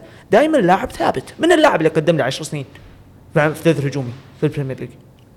لا هو يمكن جودته ما هي بعاليه. يمكن أنا ما أصنفه على أنه لاعب من أفضل اللعيبه في تاريخ البريمير ما يعني- لا لا لا ما يتصنف هازارد ما يتصنف آه، محمد صلاح. لا لا لا. صح. لا لا لا. وأح- يمكن ساديو ماني أعلى منه حتى. لكن وين الفكرة؟ الفكرة إنه رحيم. ستيرلينج المسطرة اللي يقاس فيها رحيم ستيرلينج ما هي بالمسطرة اللي يقاس فيها لعيبة ثانية. يا رجل في ناس محمد تضحك عليه تقول لاعب مضحك لاعب عاهه يعني أنا ما أعتقد بجوارديولا بيعتمد على لاعب مدة خمس سنين ست سنين لاعب عاهه الراي راي السائد آه، ترى ابو عبد الله برضه عشان يضيع فرص أحيانا بشكل غريب شوي صحيح. فالناس تاخذ اللقطات وتبني الفكرة. اللي متابع رحيم ستيرلينج من أيام حتى مع ليفربول يعرف إن اللاعب عنده نقاط هو فيها استثنائي خاصة في موضوع تغيير اتجاه من جهة لجهة موضوع إنه كيف يقابل المدافع وحرفيا بسرعته العالية جدا ويغير اتجاه من س- آه، وست هام مباراة بعد مباراة وست هام أنطونيو كان يقول دخلنا غرفة ملابس ونقول هذا سونيك. رحيم ستيرلينج لدرجة إنه يقول ما قدرنا نسيطر عليه اذا إذا هذا سونيك أنت هالك يا انتونيو إي والله إنك اللي سويته ببرايتون ما هو شيء طبيعي. بس على رحيم ستيرلينج في إحصائية آه، شفتها الصراحة يعني توصف شوية تطور اللي صار عند ستيرلينج بهذا الموسم. الموسم الماضي ستيرلينج طوال الموسم لمس الكرة داخل منطقة جزاء 128 مرة. معدل 11 6.5 في المباراة. الموسم الحالي في ثلاث مباريات لمس الكرة 34 مرة داخل منطقة جزاء بمعدل 11.77 مرة في المباراة. الحصول على الكرة واستحواذ على الكرة في منطقة الخصم الموسم الماضي ستيرلينج حصل على الكرة 14 مرة بس. الموسم الحالي حصل عليها أربع مرات بمعدل واحد- 1.34 آه، في المباراة الواحدة هذا الموسم. مراوغات الموسم الماضي 92 مراوغة. معدل 4.35 في المباراة. الموسم الحالي حتى الآن 15 مراوغة. ومعدل 5.19 في يمكن ستة تتكلم اي أنت تتكلم عن حتى رقميا لو في شخص عاقل يتكلم عن رحيم ستيرلينج رقميا آه، ما ما راح ينصفه. لكن بعض يعني بعض ال- الصورة النمطية خلينا نقول إيه. يعني آه، قادة ال- الرأي يعني خلينا نقول في آه، قنوات بين سبورت يتبنون إنه رحيم ستيرلينج لاعب فاشل. فبالتالي كل مباراة تأتي لتشيلسي أو منتخب إنجلترا يتم الحديث عن أو السيتي سابقا يتم الحديث عن رحيم ستيرلينج سيتم الحديث عن رحيم ستيرلينج بالسوء أي مباراة تلعب لهاري ماجواير في سواء لعبها كويس ما هي كويس راح يتم الحديث عنه في السوء. فهذه يعني نظرية متواجدة في مواقع التواصل الاجتماعي لكن ما راح تنتهي. خلينا ننتقل لمحاور السوق الجزء الثاني من الحلقة. وأتوقع ان هذه الحلقة الأخيرة نتكلم فيها في السوق. يمكن الحلقة الجاية نتكلم عن بعض الأمور في السوق لكن الحلقة هذه ممكن تكون الأخيرة نتكلم فيها في السوق. وش جايب لنا هالمرة؟ آه عندنا كثير محاور في السوق. عندنا آه فكرة شيفيلد يونايتد في السوق ونونيز ومانشستر سيتي ومحمد قدوس الصفقه اللي تمت ل آه لا إله إلا الله وست هام وبرينان جونسون واهتمام توتنهام وبرنتفورد باللاعب. خلينا ندخل في فكرة شيفيلد يونايتد اللي أنا شايف فيه شوي عدم وعي في هذه الفكرة في مواقع التواصل الاجتماعي. آه، شيفيلد يونايتد لما صعد الموسم الماضي من الشامبيونشيب للدوري كان عنده فريق هذا الفريق يتكون من عناصر رئيسية. هذه العناصر متبقي في عقدها سنة واحدة فقط. ست لاعبين أساسيين في شيفيلد يونايتد الموسم الماضي كان دخلوا الصيف الحالي باقي سنة. شيفيلد يونايتد كان واضح من بداية السوق. يا تجدد يا تمشي. ثلاثة من اللاعبين جددوا. ثلاثة من اللاعبين رفضوا التجديد قالوا نبي نكمل الموسم هذا ونشوف يعني يا نجدد يا نطلع بالمجان. شيفيلد يونايتد كان واضح. واضح واضح. قاعد شهر كامل يتفاوض. يا تجدد يا تمشي من بداية السوق. فرفض مثلا اندياي التجديد. وقرر الانتقال لمارسيليا. هو يعتبر النجم الأول لشيفيلد يونايتد هو سبب رئيسي في صعود النادي. تكلم عن بيرك اللي أيضا رفض التجديد وكان يبغى ينتقل مجانا نهايه الموسم. شيفيلد رفض وقبل بيعه لبيرنلي ب 13 مليون. تتكلم عن ستيفنز لاعب كلنا نذكره في الدوري. طبعا ستيفنز حصل على راتب ضخم في الشامبيونشيب يعني يمكن ما يت ما يجي يعني في حياته حصل على 60 ألف باوند في الأسبوع من ستوك سيتي فقرر الانتقال لستوك سيتي وعدم التجديد فأصبح شيفيلد يونايتد في تويتر بحالة استياء كيف تخسر نجم فلاني كيف تخسر شيفيلد راح يهبط شيفيلد شيفيلد ما جاهز فريق. الموضوع مختلف. شيفيلد مباشرة لما باع بيرك مباشرة بعد إعلان بيع بيرك بساعة أعلن عن سوسا محور برازيلي اللاعب اللي شفناه مع خيتافي الموسم الماضي وتألق في الليغا مباشرة ب 12 مليون. واعتقد إن شفناه بجولتين كان ممتاز جدا مع شيفيلد وأظهر جودة ممتازة. تكلم عن هامر اللاعب اللي جاء من كوفنتري اللي كان سبب رئيسي في صعود كوفنتري إلى البلاي أوف الموسم الماضي انتقل لشيفيلد يونايتد كبديل لاندياي. الصيف كانت في مشكلة من جمهور شيفيلد كنت الجمهور العربي في شيفيلد يونايتد الجمهور العربي ما ركز على هذه القضية كان في انزعاج من جمهور شيفيلد يونايتد على رحيل الأسطورة بيلي شارب. عدم تجديد عقده وانتقاله للوس أنجلوس الأمريكي بعد رفض النادي للتجديد. فكرة شيفيلد كانت عندنا ميزانية لازم نوقع مع مهاجم هذا الصيف. فاتجهوا لي يعني نواف عشان نفهم الفكرة. الحين هم يفكرون بطريقة معينة إنه إذا كان هذا اللاعب باقي بعقده فترة قصيرة الفترة هذه أنا إما إني أعوضك أو إن أما إنك تجدد عقدك أو إنك آه، تتعوض. تباع ويتم آه، تعويضك بمبلغ معين. بالضبط عشان الفريق إذا هبط الموسم الجاي أو بقى بالدوري. تكون ما يكون عنده فريق يعني في كثير لاعبين خارجين أو كثير لاعبين ما هم مجددين معي فأنا راح أخسر. ممتاز. غير كذا أنا راح أخسر استقراري راح أجيب ثلاث أربع خمس ست لاعبين بموسم واحد إضافيين. فأنا الآن أشتغل على هذا الشيء ب...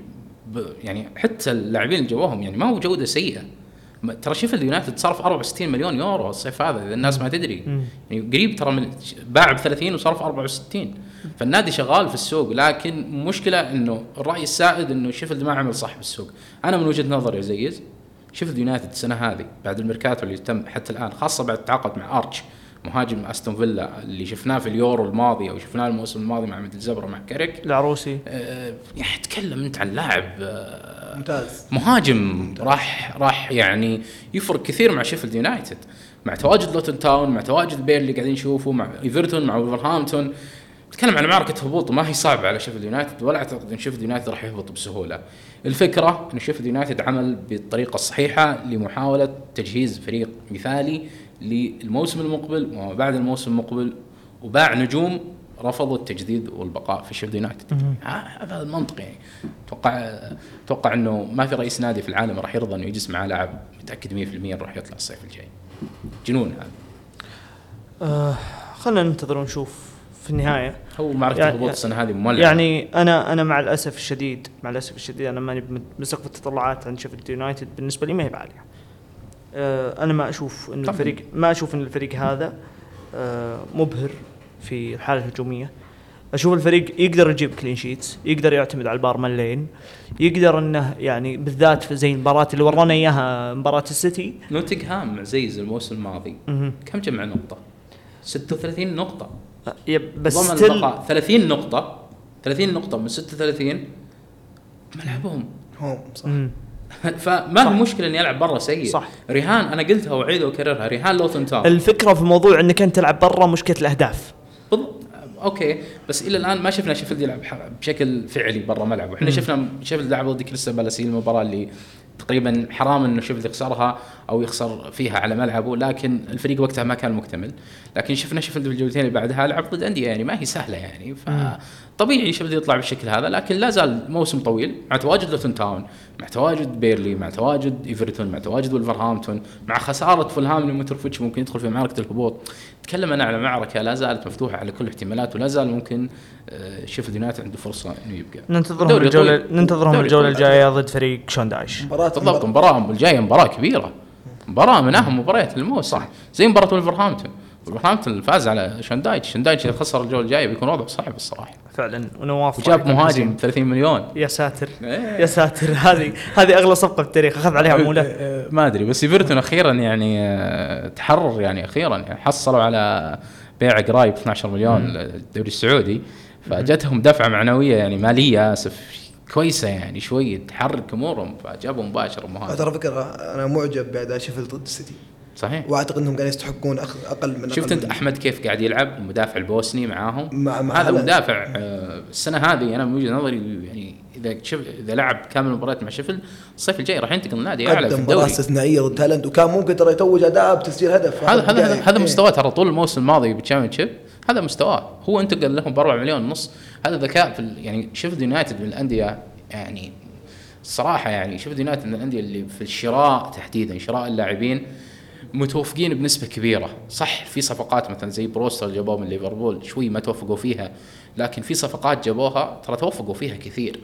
فأنا لا زلت أرى إنه عندهم فرصة للبقاء الدوري طويل عندهم ملعب صعب مرة وفي يعني حالة من الجنون في الملعب غير طبيعيه ما هي موجودة في إنجلترا.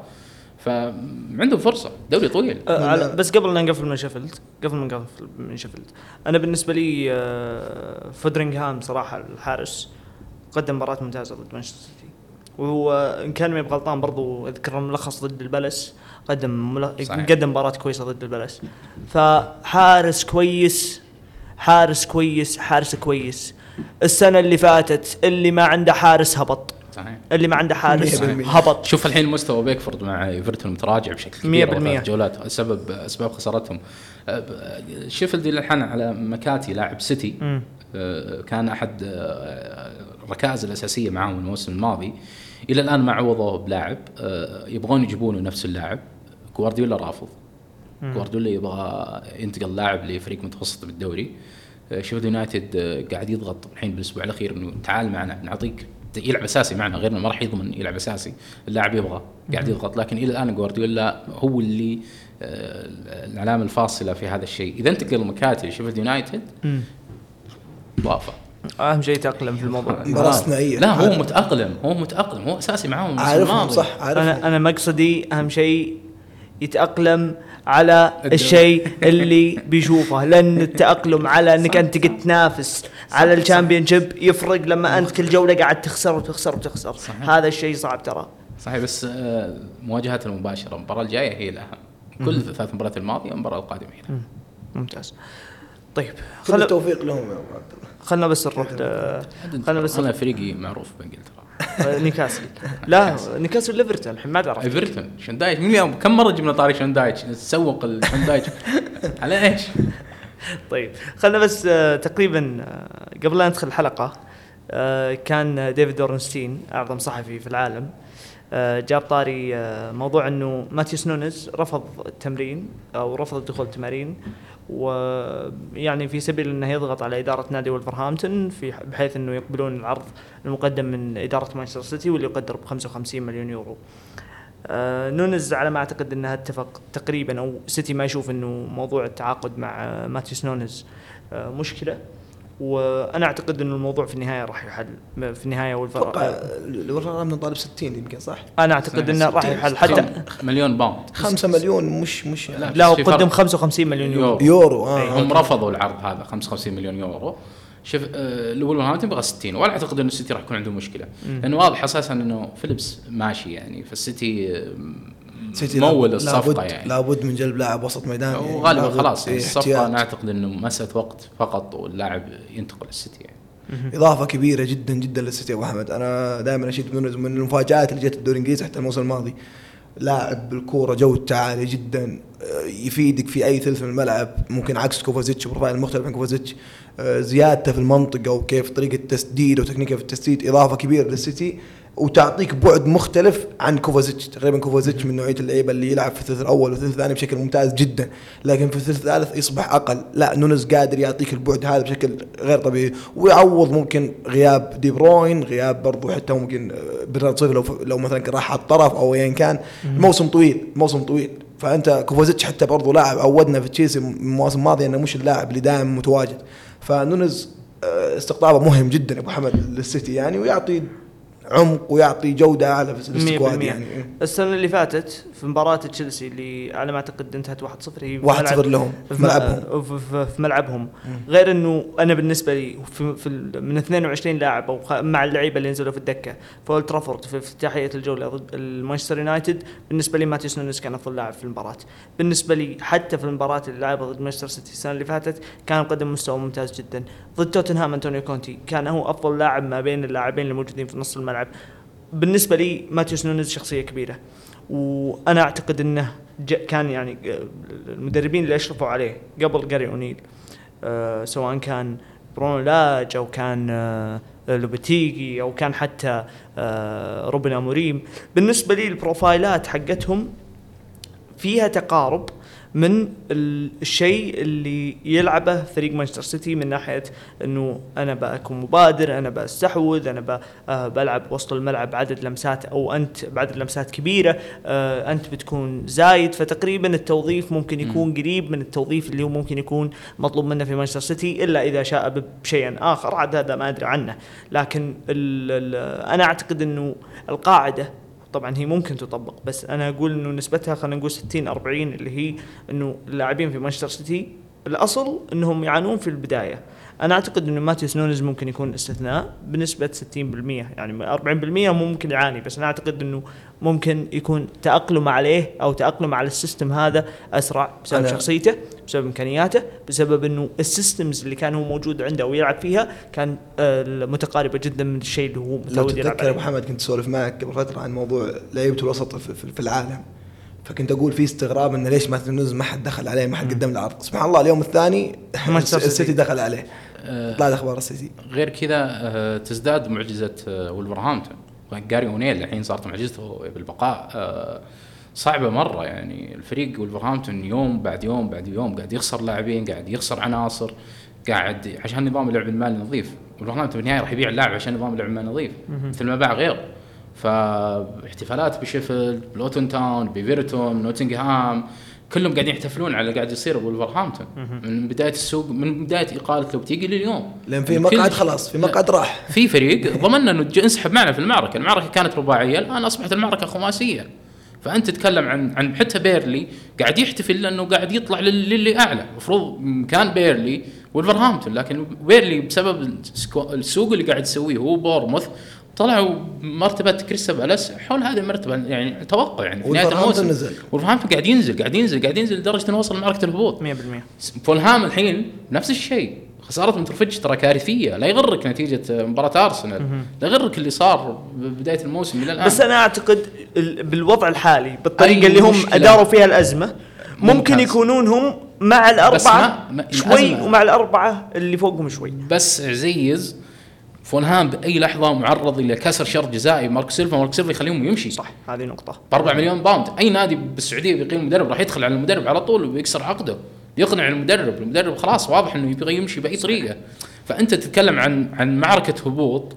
كل شوي في واحد ينسحب لهذه المعركة. ينسحب وفي والأمل يجي بزيادة. طيب خلينا نروح للصفقة اللي تمت. الصفقة اللي أنا ما أعرف اللاعب. بنتظره في وأنا ما. أعرف الصراحة. أنا بنتظره فهد. فهد أعتقد إنه. يعني بسبب تشيلسي ارتبط فيه فأعتقد فهد تابعه. أنا ما ادري أنا وهقتك يا. فهد ولا لا أنا ما أدري صراحة بس, بس أنا ما شفته. بس الفكرة إحنا نتكلم عن محمد قدوس لاعب اياكس اللي انتقل لوستهام ب 38 مليون باوند اللي حاول تشيلسي يدخل عليه بآخر الوقت لكن, لكن- ما قدر يجيب اللاعب. آه، تكلم عن آه، مثلا ترى حتى اللاعب الجاي دخل على تشيلسي. طيب مو مشكلة. بنشوفه. آه okay okay. بتكلم عن آه، قدوس باكيتا. بوين آه، ألفاريز وورد براوس أنطونيو كمهاجم لكن غالبا ما راح يستمر راح يجي يا يوسف نصيري يا اللاعب البرازيلي. مع إذا ذلك جاء إذا جاء يوسف نصيري دقيقة دقيقة شوي. إذا جاء يوسف نصيري م- التعامل مع ضربات الزاوية الضربات الحرة بالوست هام بلنتي. لا لا التعامل معها خلاص لا لا خلهم احتفل خلهم هم يحتفلون. ما يحسبون ركنية. والله العظيم لا تعب نفسك. الإكس جي حقها بيصير يمكن واحد بيصير 60 إيه، يعني مو منطق مو منطق. أنت تتكلم على وورد براوس تتكلم على نايف اكرت تتكلم على كورت زوما تتكلم على آه، أوغبونا، أوغبونا. تتكلم على سوتشيك وتتكلم على نصيري المنفذ وورد براوس. يا ساتر مو منطق. بعد كوفال ترى في حقه. نسيت كوفال ظهير يمين في حقه. أنا يعني غير الفاريز. نجيب آه، ألفاريز نسينا. أنت تك... بعيدا عن هذا الكلام ركنية. بس أنت- وتلوم تشيلسي شلون استقبل لا لا ما الوم أنا بالنسبة لي بعد ما لا ما ادري وباقي باقي الصفقتين لوست هام إضافية. الكلام عن المهاجم اللي قلناهم الاثنين وباقي لاعب خط وسط. بالإضافة إلى صفقة ثالثة لينجارد مويس ميت عليه يبغاه بأي طريقة. كم يبي لاعب وسط؟ شو يسوي في الوسط؟ كيف؟ لينجارد إذا جاء وست هام كم يصير؟ في بديل الوسط؟ ست أشهر. ست بديل أشهر بس كلاعب بديل ما راح يلعب اساسي انسى يلعب أساسي. لأن أتوقع إنه جالس يهيئ نفس البطولة الأوروبية والدوري. لازم يسوي عمق. لأن ترى قدوس برضه يلعب في وسط الميدان تقريبا. أنا فاهم بس بس أنا بعطيك فكرة. وست هام ما يبي يطيح بنفس الخطا اللي طاح فيه الموسم الماضي. إنه يدخل البطولة الاوروبيه والفريق معاه في نقص المق- بذيك البداية. مويس قاعد يهيئ لينجارد له شهرين. أو عفوا شهر ونص قاعد يتدرب معاه في النادي. oh okay. فهمت؟ إلى الآن ما وقع مع وست هام. إلى بس- الآن. بس جالس يهيئ لكن يعني- بنسبة 90% راح يوقع. بعقد قصير لمدة ستة أشهر إلى شهر يناير. حتى ما راح يحطون سنة عشان يتدبسون فيه. ستة أشهر إذا مشيت يعني- أعطيك ستة أشهر ثانية وتمشي معي فالفكرة في وست هام إنه أنا شايفه إنه قاعد يتم صناعة فريق قوي. جدا. قوي قوي, قوي. جدا. مشكلتي معهم ممكن في خط الدفاع شوية احس ان جودة افراد عندهم مش مش ذاك الزود. زوما يغطي ال system. اذا إذا كان بيلعب بنفس ال system هذا مشكلتي يا محمد أنا قلت لك ضد الفرق الصغار أنت شو بتسوي؟ الفكرة إنه الفرق الصغار أنا عندي سلاح استثنائي. أنا داي ارجع أقول لك أنت إذا عندك سلاح استثنائي في واحدة من الحالات الخمس تقدر تفك أي تكتل. بالنسبة لي إذا جتك كرة ثابتة أمام المرمى هذا هدف. وغير كذا الدفاع السيء هذا خلفه حارس عظيم. أريولا اللي سواه ضد برايتون ما هو سهل. صح. أريولا وفابيانسكي. ترى هم لو لعبوا بس غيروا اعتمد الحراس اعتمد في الدوري ف- أريولا خلاص يعني فابيانسكي غالبا بعد اصابته الأخيرة وضعه انتهى في كرة لا ترى. عبد الله هم هم جودة أفرادهم لما يلعبون بخط منخفض أو دفاع منخفض ما عندهم مشكلة. زوما من أفضل اللاعبين في الموضوع هذا. نفس الطريقة أنا أفكر نفس طريقة أوغبونا. لكن أتكلم لما تكون أنت مبادر مطالب. الآن مع إضافة قدوس لا صار فريق يمتلك جودة. صح. يا رجل أنت باكيتا وبوين وبالرحمة. وقدوس أنا أعتقد هذا خط هجوم من أفضل خطوط الهجوم في الدوري بدون مبالغة. بنشوفهم في الاختبار إن شاء الله يوم الجمعة ضد لوتن تاون في ملعب لوتن تاون في البداية الجديدة للملعب الصندقة. بس على فكرة أبو محمد ترى أنطونيو اللي بيقول إنه بيجلس دكة أنا اراهنكم إنه ما راح يجلس دكة. غالبا أنطونيو احتمال ينتقل. إذا طلع ما أدري إذا جاء السعودية في أخبار لكن إذا جاء جلس وست هام يا رجل سكاماكا جاء الموسم. حتى, لو جلس غالبا راح يلعب بعض المباريات. شفت شو سواه ضد برايتون؟ يا ساتر. لعب في المساحة شيء عظيم ضد برايتون أنطونيو. اللي سواه الصراحه اللي ما شاف والله يا أبو عبد الله. أنطونيو شيء عظيم. لعب في برايتون لعب. لو بنتكلم عن وست هام لازم نتكلم إلا عن وورد براوس بس خلونا عشان تكلمنا الحلقة الماضية لكن نتكلم عليهم في الحلقة الجاية لا لا لا, لا. وورد براوس آه، لا يعني وورد براوس حاجة استثنائيه طيب عشان الوقت بس آه، لأن طولنا في الصفقة الأخيرة. الصفقة اللي فيها تنافس حاليا بين توتنهام وجونسون أو برينتفورد. على جونسون لاعب نوتنغهام. كيف شايفين اللاعب؟ أنا بالنسبة لي هو من اللاعبين المميزين. بالنسبة لي أنا. برينان جونسون من اللاعبين اللي آه، يعني تكنيكه ممتاز. انطلاقه ممتاز. بدنيا هو عنده إمكانيات بدنية كويسة. عنده الوعي بالمعنى إنه أنا أعرف متى أتحرك وين أتحرك كيف أستغل المساحة كيف أساعد ظهيري في إنه يمرر لي. بحيث إني أنا دائما أستغل المساحة اللي هو موجود فيها وأحاول إنه لو حتى لو لو ما لعب عرضية كويسة أو ما لعب باص كويس أحاول إني أنا أغطي عليه بالسرعة اللي موجودة. في هالشيء هذا اللي موجود عند ال- ال- عند هالنوعية هذول من اللاعبين زيادة الكروية كويسة. فهذه النقطة أنا بالنسبة لي لو انتقل هو لتوتنهام أو انتقل لتشيلسي بالنسبة لي هو إضافة. زين انت أبو محمد ترى متنوع برضه يعطيك. بعد مختلف ترى يقدر غالبا تشيلسي ما راح يدخل على اللاعب. بغض كان النظر في أنا كلام كان في تشيلسي كلام. ممكن اي يلعب. كان اي نادي اي نادي بيكسب برينن جونسون. أعتقد حتى إنه آه، اليوم يعني برينتفورد قدم عرض قيمته 40 مليون. مم. هو. اللي هو المبلغ المطلوب من نوتنغهام نوتنغهام يبغى 40 يبغى 40 مليون بيبيع اللاعب. ليش نوتنغهام بيبيع اللاعب؟ عشان نظام لعب ما نظيف بيع جونسون راح يفك لهم ست... راح يوفر لهم 60 مليون مع رواتب اللاعب مع البيع ب 40 الفكرة ليش توتنهام برينتفورد يبغون جونسون؟ خاصة لو قلنا إنه هنا هاري كين طلع وهنا إيفان توني طلع. هل ممكن يلعب كرأس حربة؟ هو قد لعب ترى فيها. لعب هذا. السؤال. هل لو جاء البو- برينتفورد أو توتنهام راح يكون رأس حربة المميز أبو عبد الله وش هو؟ إن جونسون في فترات سابقة في نوتنغهام كان من أكثر الفرق اللي يرتدون وما يلقى أحد معه مساند ومع ذلك يلقى قراره ممتاز ويتصرف بشكل صحيح ودائما خطر. كيف لو لقى من حوله مجموعة في توتنهام أو في برنتفورد خاصة في برنتفورد لو راح ولعب مع مبيمو في- في برنتفورد كارثة للفرق الدوري الإنجليزي في موضوع التحولات. ناس تعرف تتصرف في, في, في وهم وهم أقل عدديا في ملعب خصم في ملعب الخصم. فجونسون أبو عبد الله اتذكر في مباراة play-offs قبل موسمين أنا شغلته والله ما كنت أعرف نوتنغهام عنهم شيء. لكن جونسون من اللعيبة اللي يلفتون النظر حرفيا. صحيح. يلفتون النظر جودته بالكورة كيف إنه ينطلق كيف إنه يراوغ كيف إنه يمرر. فأعتقد بذا العمر 22 سنة قابل للتطور وقابل إنه يروح لأبعد من كذا بكثير. فأنا ما أستغرب ليش برنتفورد وليش توتنهام بيدفعون في هذه القيمة ال 40 مليون ترى مش مبلغ سهل يا عبد الله وأنت عارف يعني. على طاري توتنهام ودفع المبلغ ماديسون. علامة تسويقية إنجليزية. 100% جونسون. ويلزي. ويلزي اللاعب القادم لويلز. هل تعتقد إن داني ليفي قدر يعوض اعلاميا هاري كين؟ ممكن آه. على مدى بعيد ممكن؟ شوف. لا لا هو الفكرة هذا هي. لا اقصد الحين؟ بعيد. الحين الحين مستحيل. إيه. نتكلم عن مدى بعيد لأنه إلى إلى الحين مع تقدير برينن جونسون لكن ما عنده آه، أو خلينا نقول ال X factor اللي موجود عند نجوم الشباك. بس قاعد يصنع. 100% بس وش اللي أتكلم؟ أتكلم إنه آه، جيمس ماديسون عنده الحاجة هذه. مم. هو الآن مو بنجم شباك يعتبر من أفضل خمسة في إنجلترا ممتاز. يعني ساكا راشفورد هاري كين هذول أعلى منه بمراحل. آه، جيمس ماديسون بيوصل لهالمرحلة أنا متأكد من هالنقطة هذه. الموضوع في برينن جونسون أنا ما حسيت إن عنده الجانب ال- ال- ال wow اللي يخليك تقول إنه هذا اللاعب بيكون هو نجم الشباك اللي الناس تدفع عليه تذاكر إلى الآن. مم. ممتاز؟ فأنا ما أعتقد إنه هو عوض من هالناحية. هو عوض من ناحية جيمس ماديسون. عوض من ناحية جيمس ماديسون. أما من ناحية برينن جونسون ممكن على مدى بعيد لو ورانا هالجانب هذا. لكن إلى الآن ما نقدر نقول. ممتاز. حتى لو كان هو ويلزي. النقطة اللي أعتقد إنهم خلت أو النقطة اللي خلت قاعد ل- ل- تشكيلة توتنهام كثير من اللعيبة هم ما هم لعيبة homegrown صحيح. ممتاز. برينن جونسون لاعب homegrown فبالتالي أنت لو جبت لاعب homegrown إضافي آه، بتقدر إنك أنت تمشي بع- بعض اللعيبة اللي موجودين عندك اللي أنت ما تحتاجهم.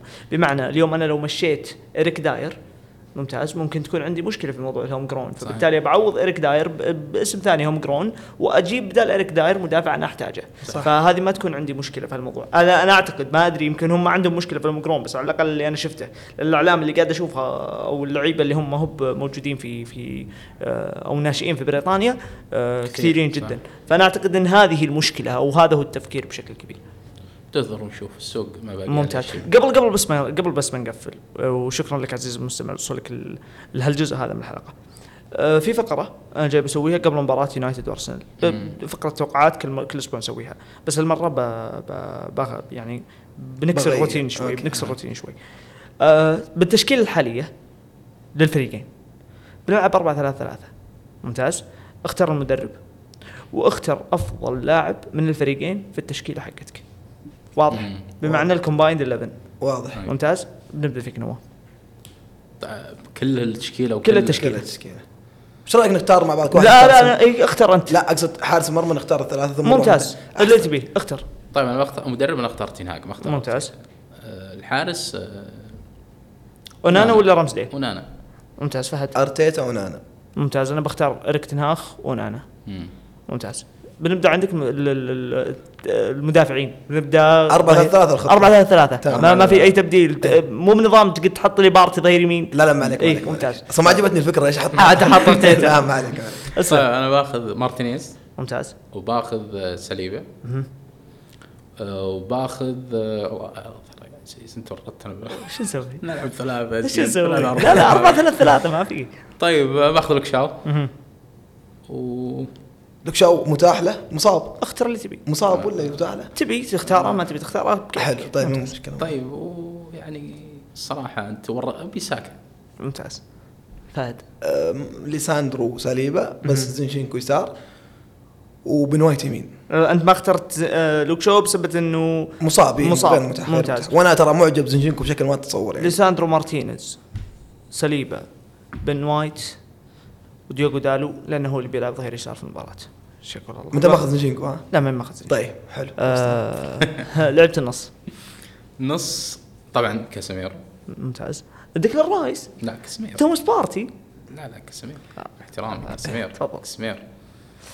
كاسيميرو بحث قدامه آه، اوديجارد. آه، ودي أحط برونو. ها؟ ودي أحط حط برونو. حط حط عبد الله حط طيب مستحيل. برونو. ممتاز. أنا عندي شوي. نفس عبد الله. ممتاز. كاسيميرو. اوديجارد برونو. أنا أتفق معكم. بنجي الثلاث الهجومي. أنا كنت ودي أحط ريكسون الصراحه ويستاهل والله. كنت يستاهل أحط يستاهل. ريكسون. ما غريبة فهد ما أنت بحاط ميسن ماونت خله شوي. طيب. بنجي الثلاث الهجومي. مزعلنا بس مونتين كذا يمكن. طبعا الهجوم بنحط لا الله. جرينوود هجوم يعني أعتقد كلنا متفقين على ساكا. أي 100% اي طبعا ساكا ساكا. ساكا وراشفورد. ممتاز. اي صح. بس أنا أتكلم عن المهاجم راس الحربة. الصراحة أنا بختار ساكا راشفورد مارتينيلي. جابريل خيسوس يا رجل. والله أنا أنا أحب جابرييل خيسوس كثير. أبو محمد، بس رجل عاد زعلني شكر عليك. الله شكر الله. لازم لازم تسوي طيب، فيها شيء. طيب. كويس يعني خيارات هجوم الصراحة. ما شاء الله. أنا ودي أحط هويلاند لكن ما شاء بس أحط خيسس أحط خيسس يعني ممتاز. إيه ساكا خيسوس و... وراشفورد أنا عاد أحب مارتينيلي كثير عموما الله يعطيكم الصحة والعافية آه، أنت بس اللي حطيت أرتيتا يعني اي هو اللي حطيته. شوي. ممتاز ثاني. لا تقريبا و... وانت وان بيساكا أنا بن وايت. وانت برضو يسار لك شو وأنا زينشينكو 100% والله أنا شايف بيساكا من الموسم الماضي ما ماخذ حقه اعلاميا يا في- رجال. ترى صورة صورة رحيم رحيم ستيرلينج هي نفسها على ترى على وان بيساكا لا لا الصورة من بنفسها لا من نفسها، اتكلم من نفسها. أتكلم ابو محمد من أنت فاهم؟ نفسها. الرجال هذا ممتاز في شغلة واحدة. لا لا ابو محمد تفهمني اقصد رحيم ستيرلينج ممتاز في أشياء كثيرة بس الأشياء الكثيرة هذه الناس أبو بيبقى محمد أقصد وان بيساكا وان- ترى عندنا وقت في الحلقة يعني. إي خلاص خلاص كل اسف شيء. اسف ما اسف فهد سعد الله يهديك. معليش معليش طيب. اسف الله اسف يعطيكم العافية جميعا الله شكرا يعافيك فهد. شكرا يا فهد. شرفتنا. شكرا عزيز الله يعطيك العافية. يعطيكم العافية الساده المستمعين. نلتقيكم الحلقة الجاية. لا تنسون الاشتراك في قنوات بودكاست تكتل المنصة اللي تسمعها وأيضا تقييم البودكاست.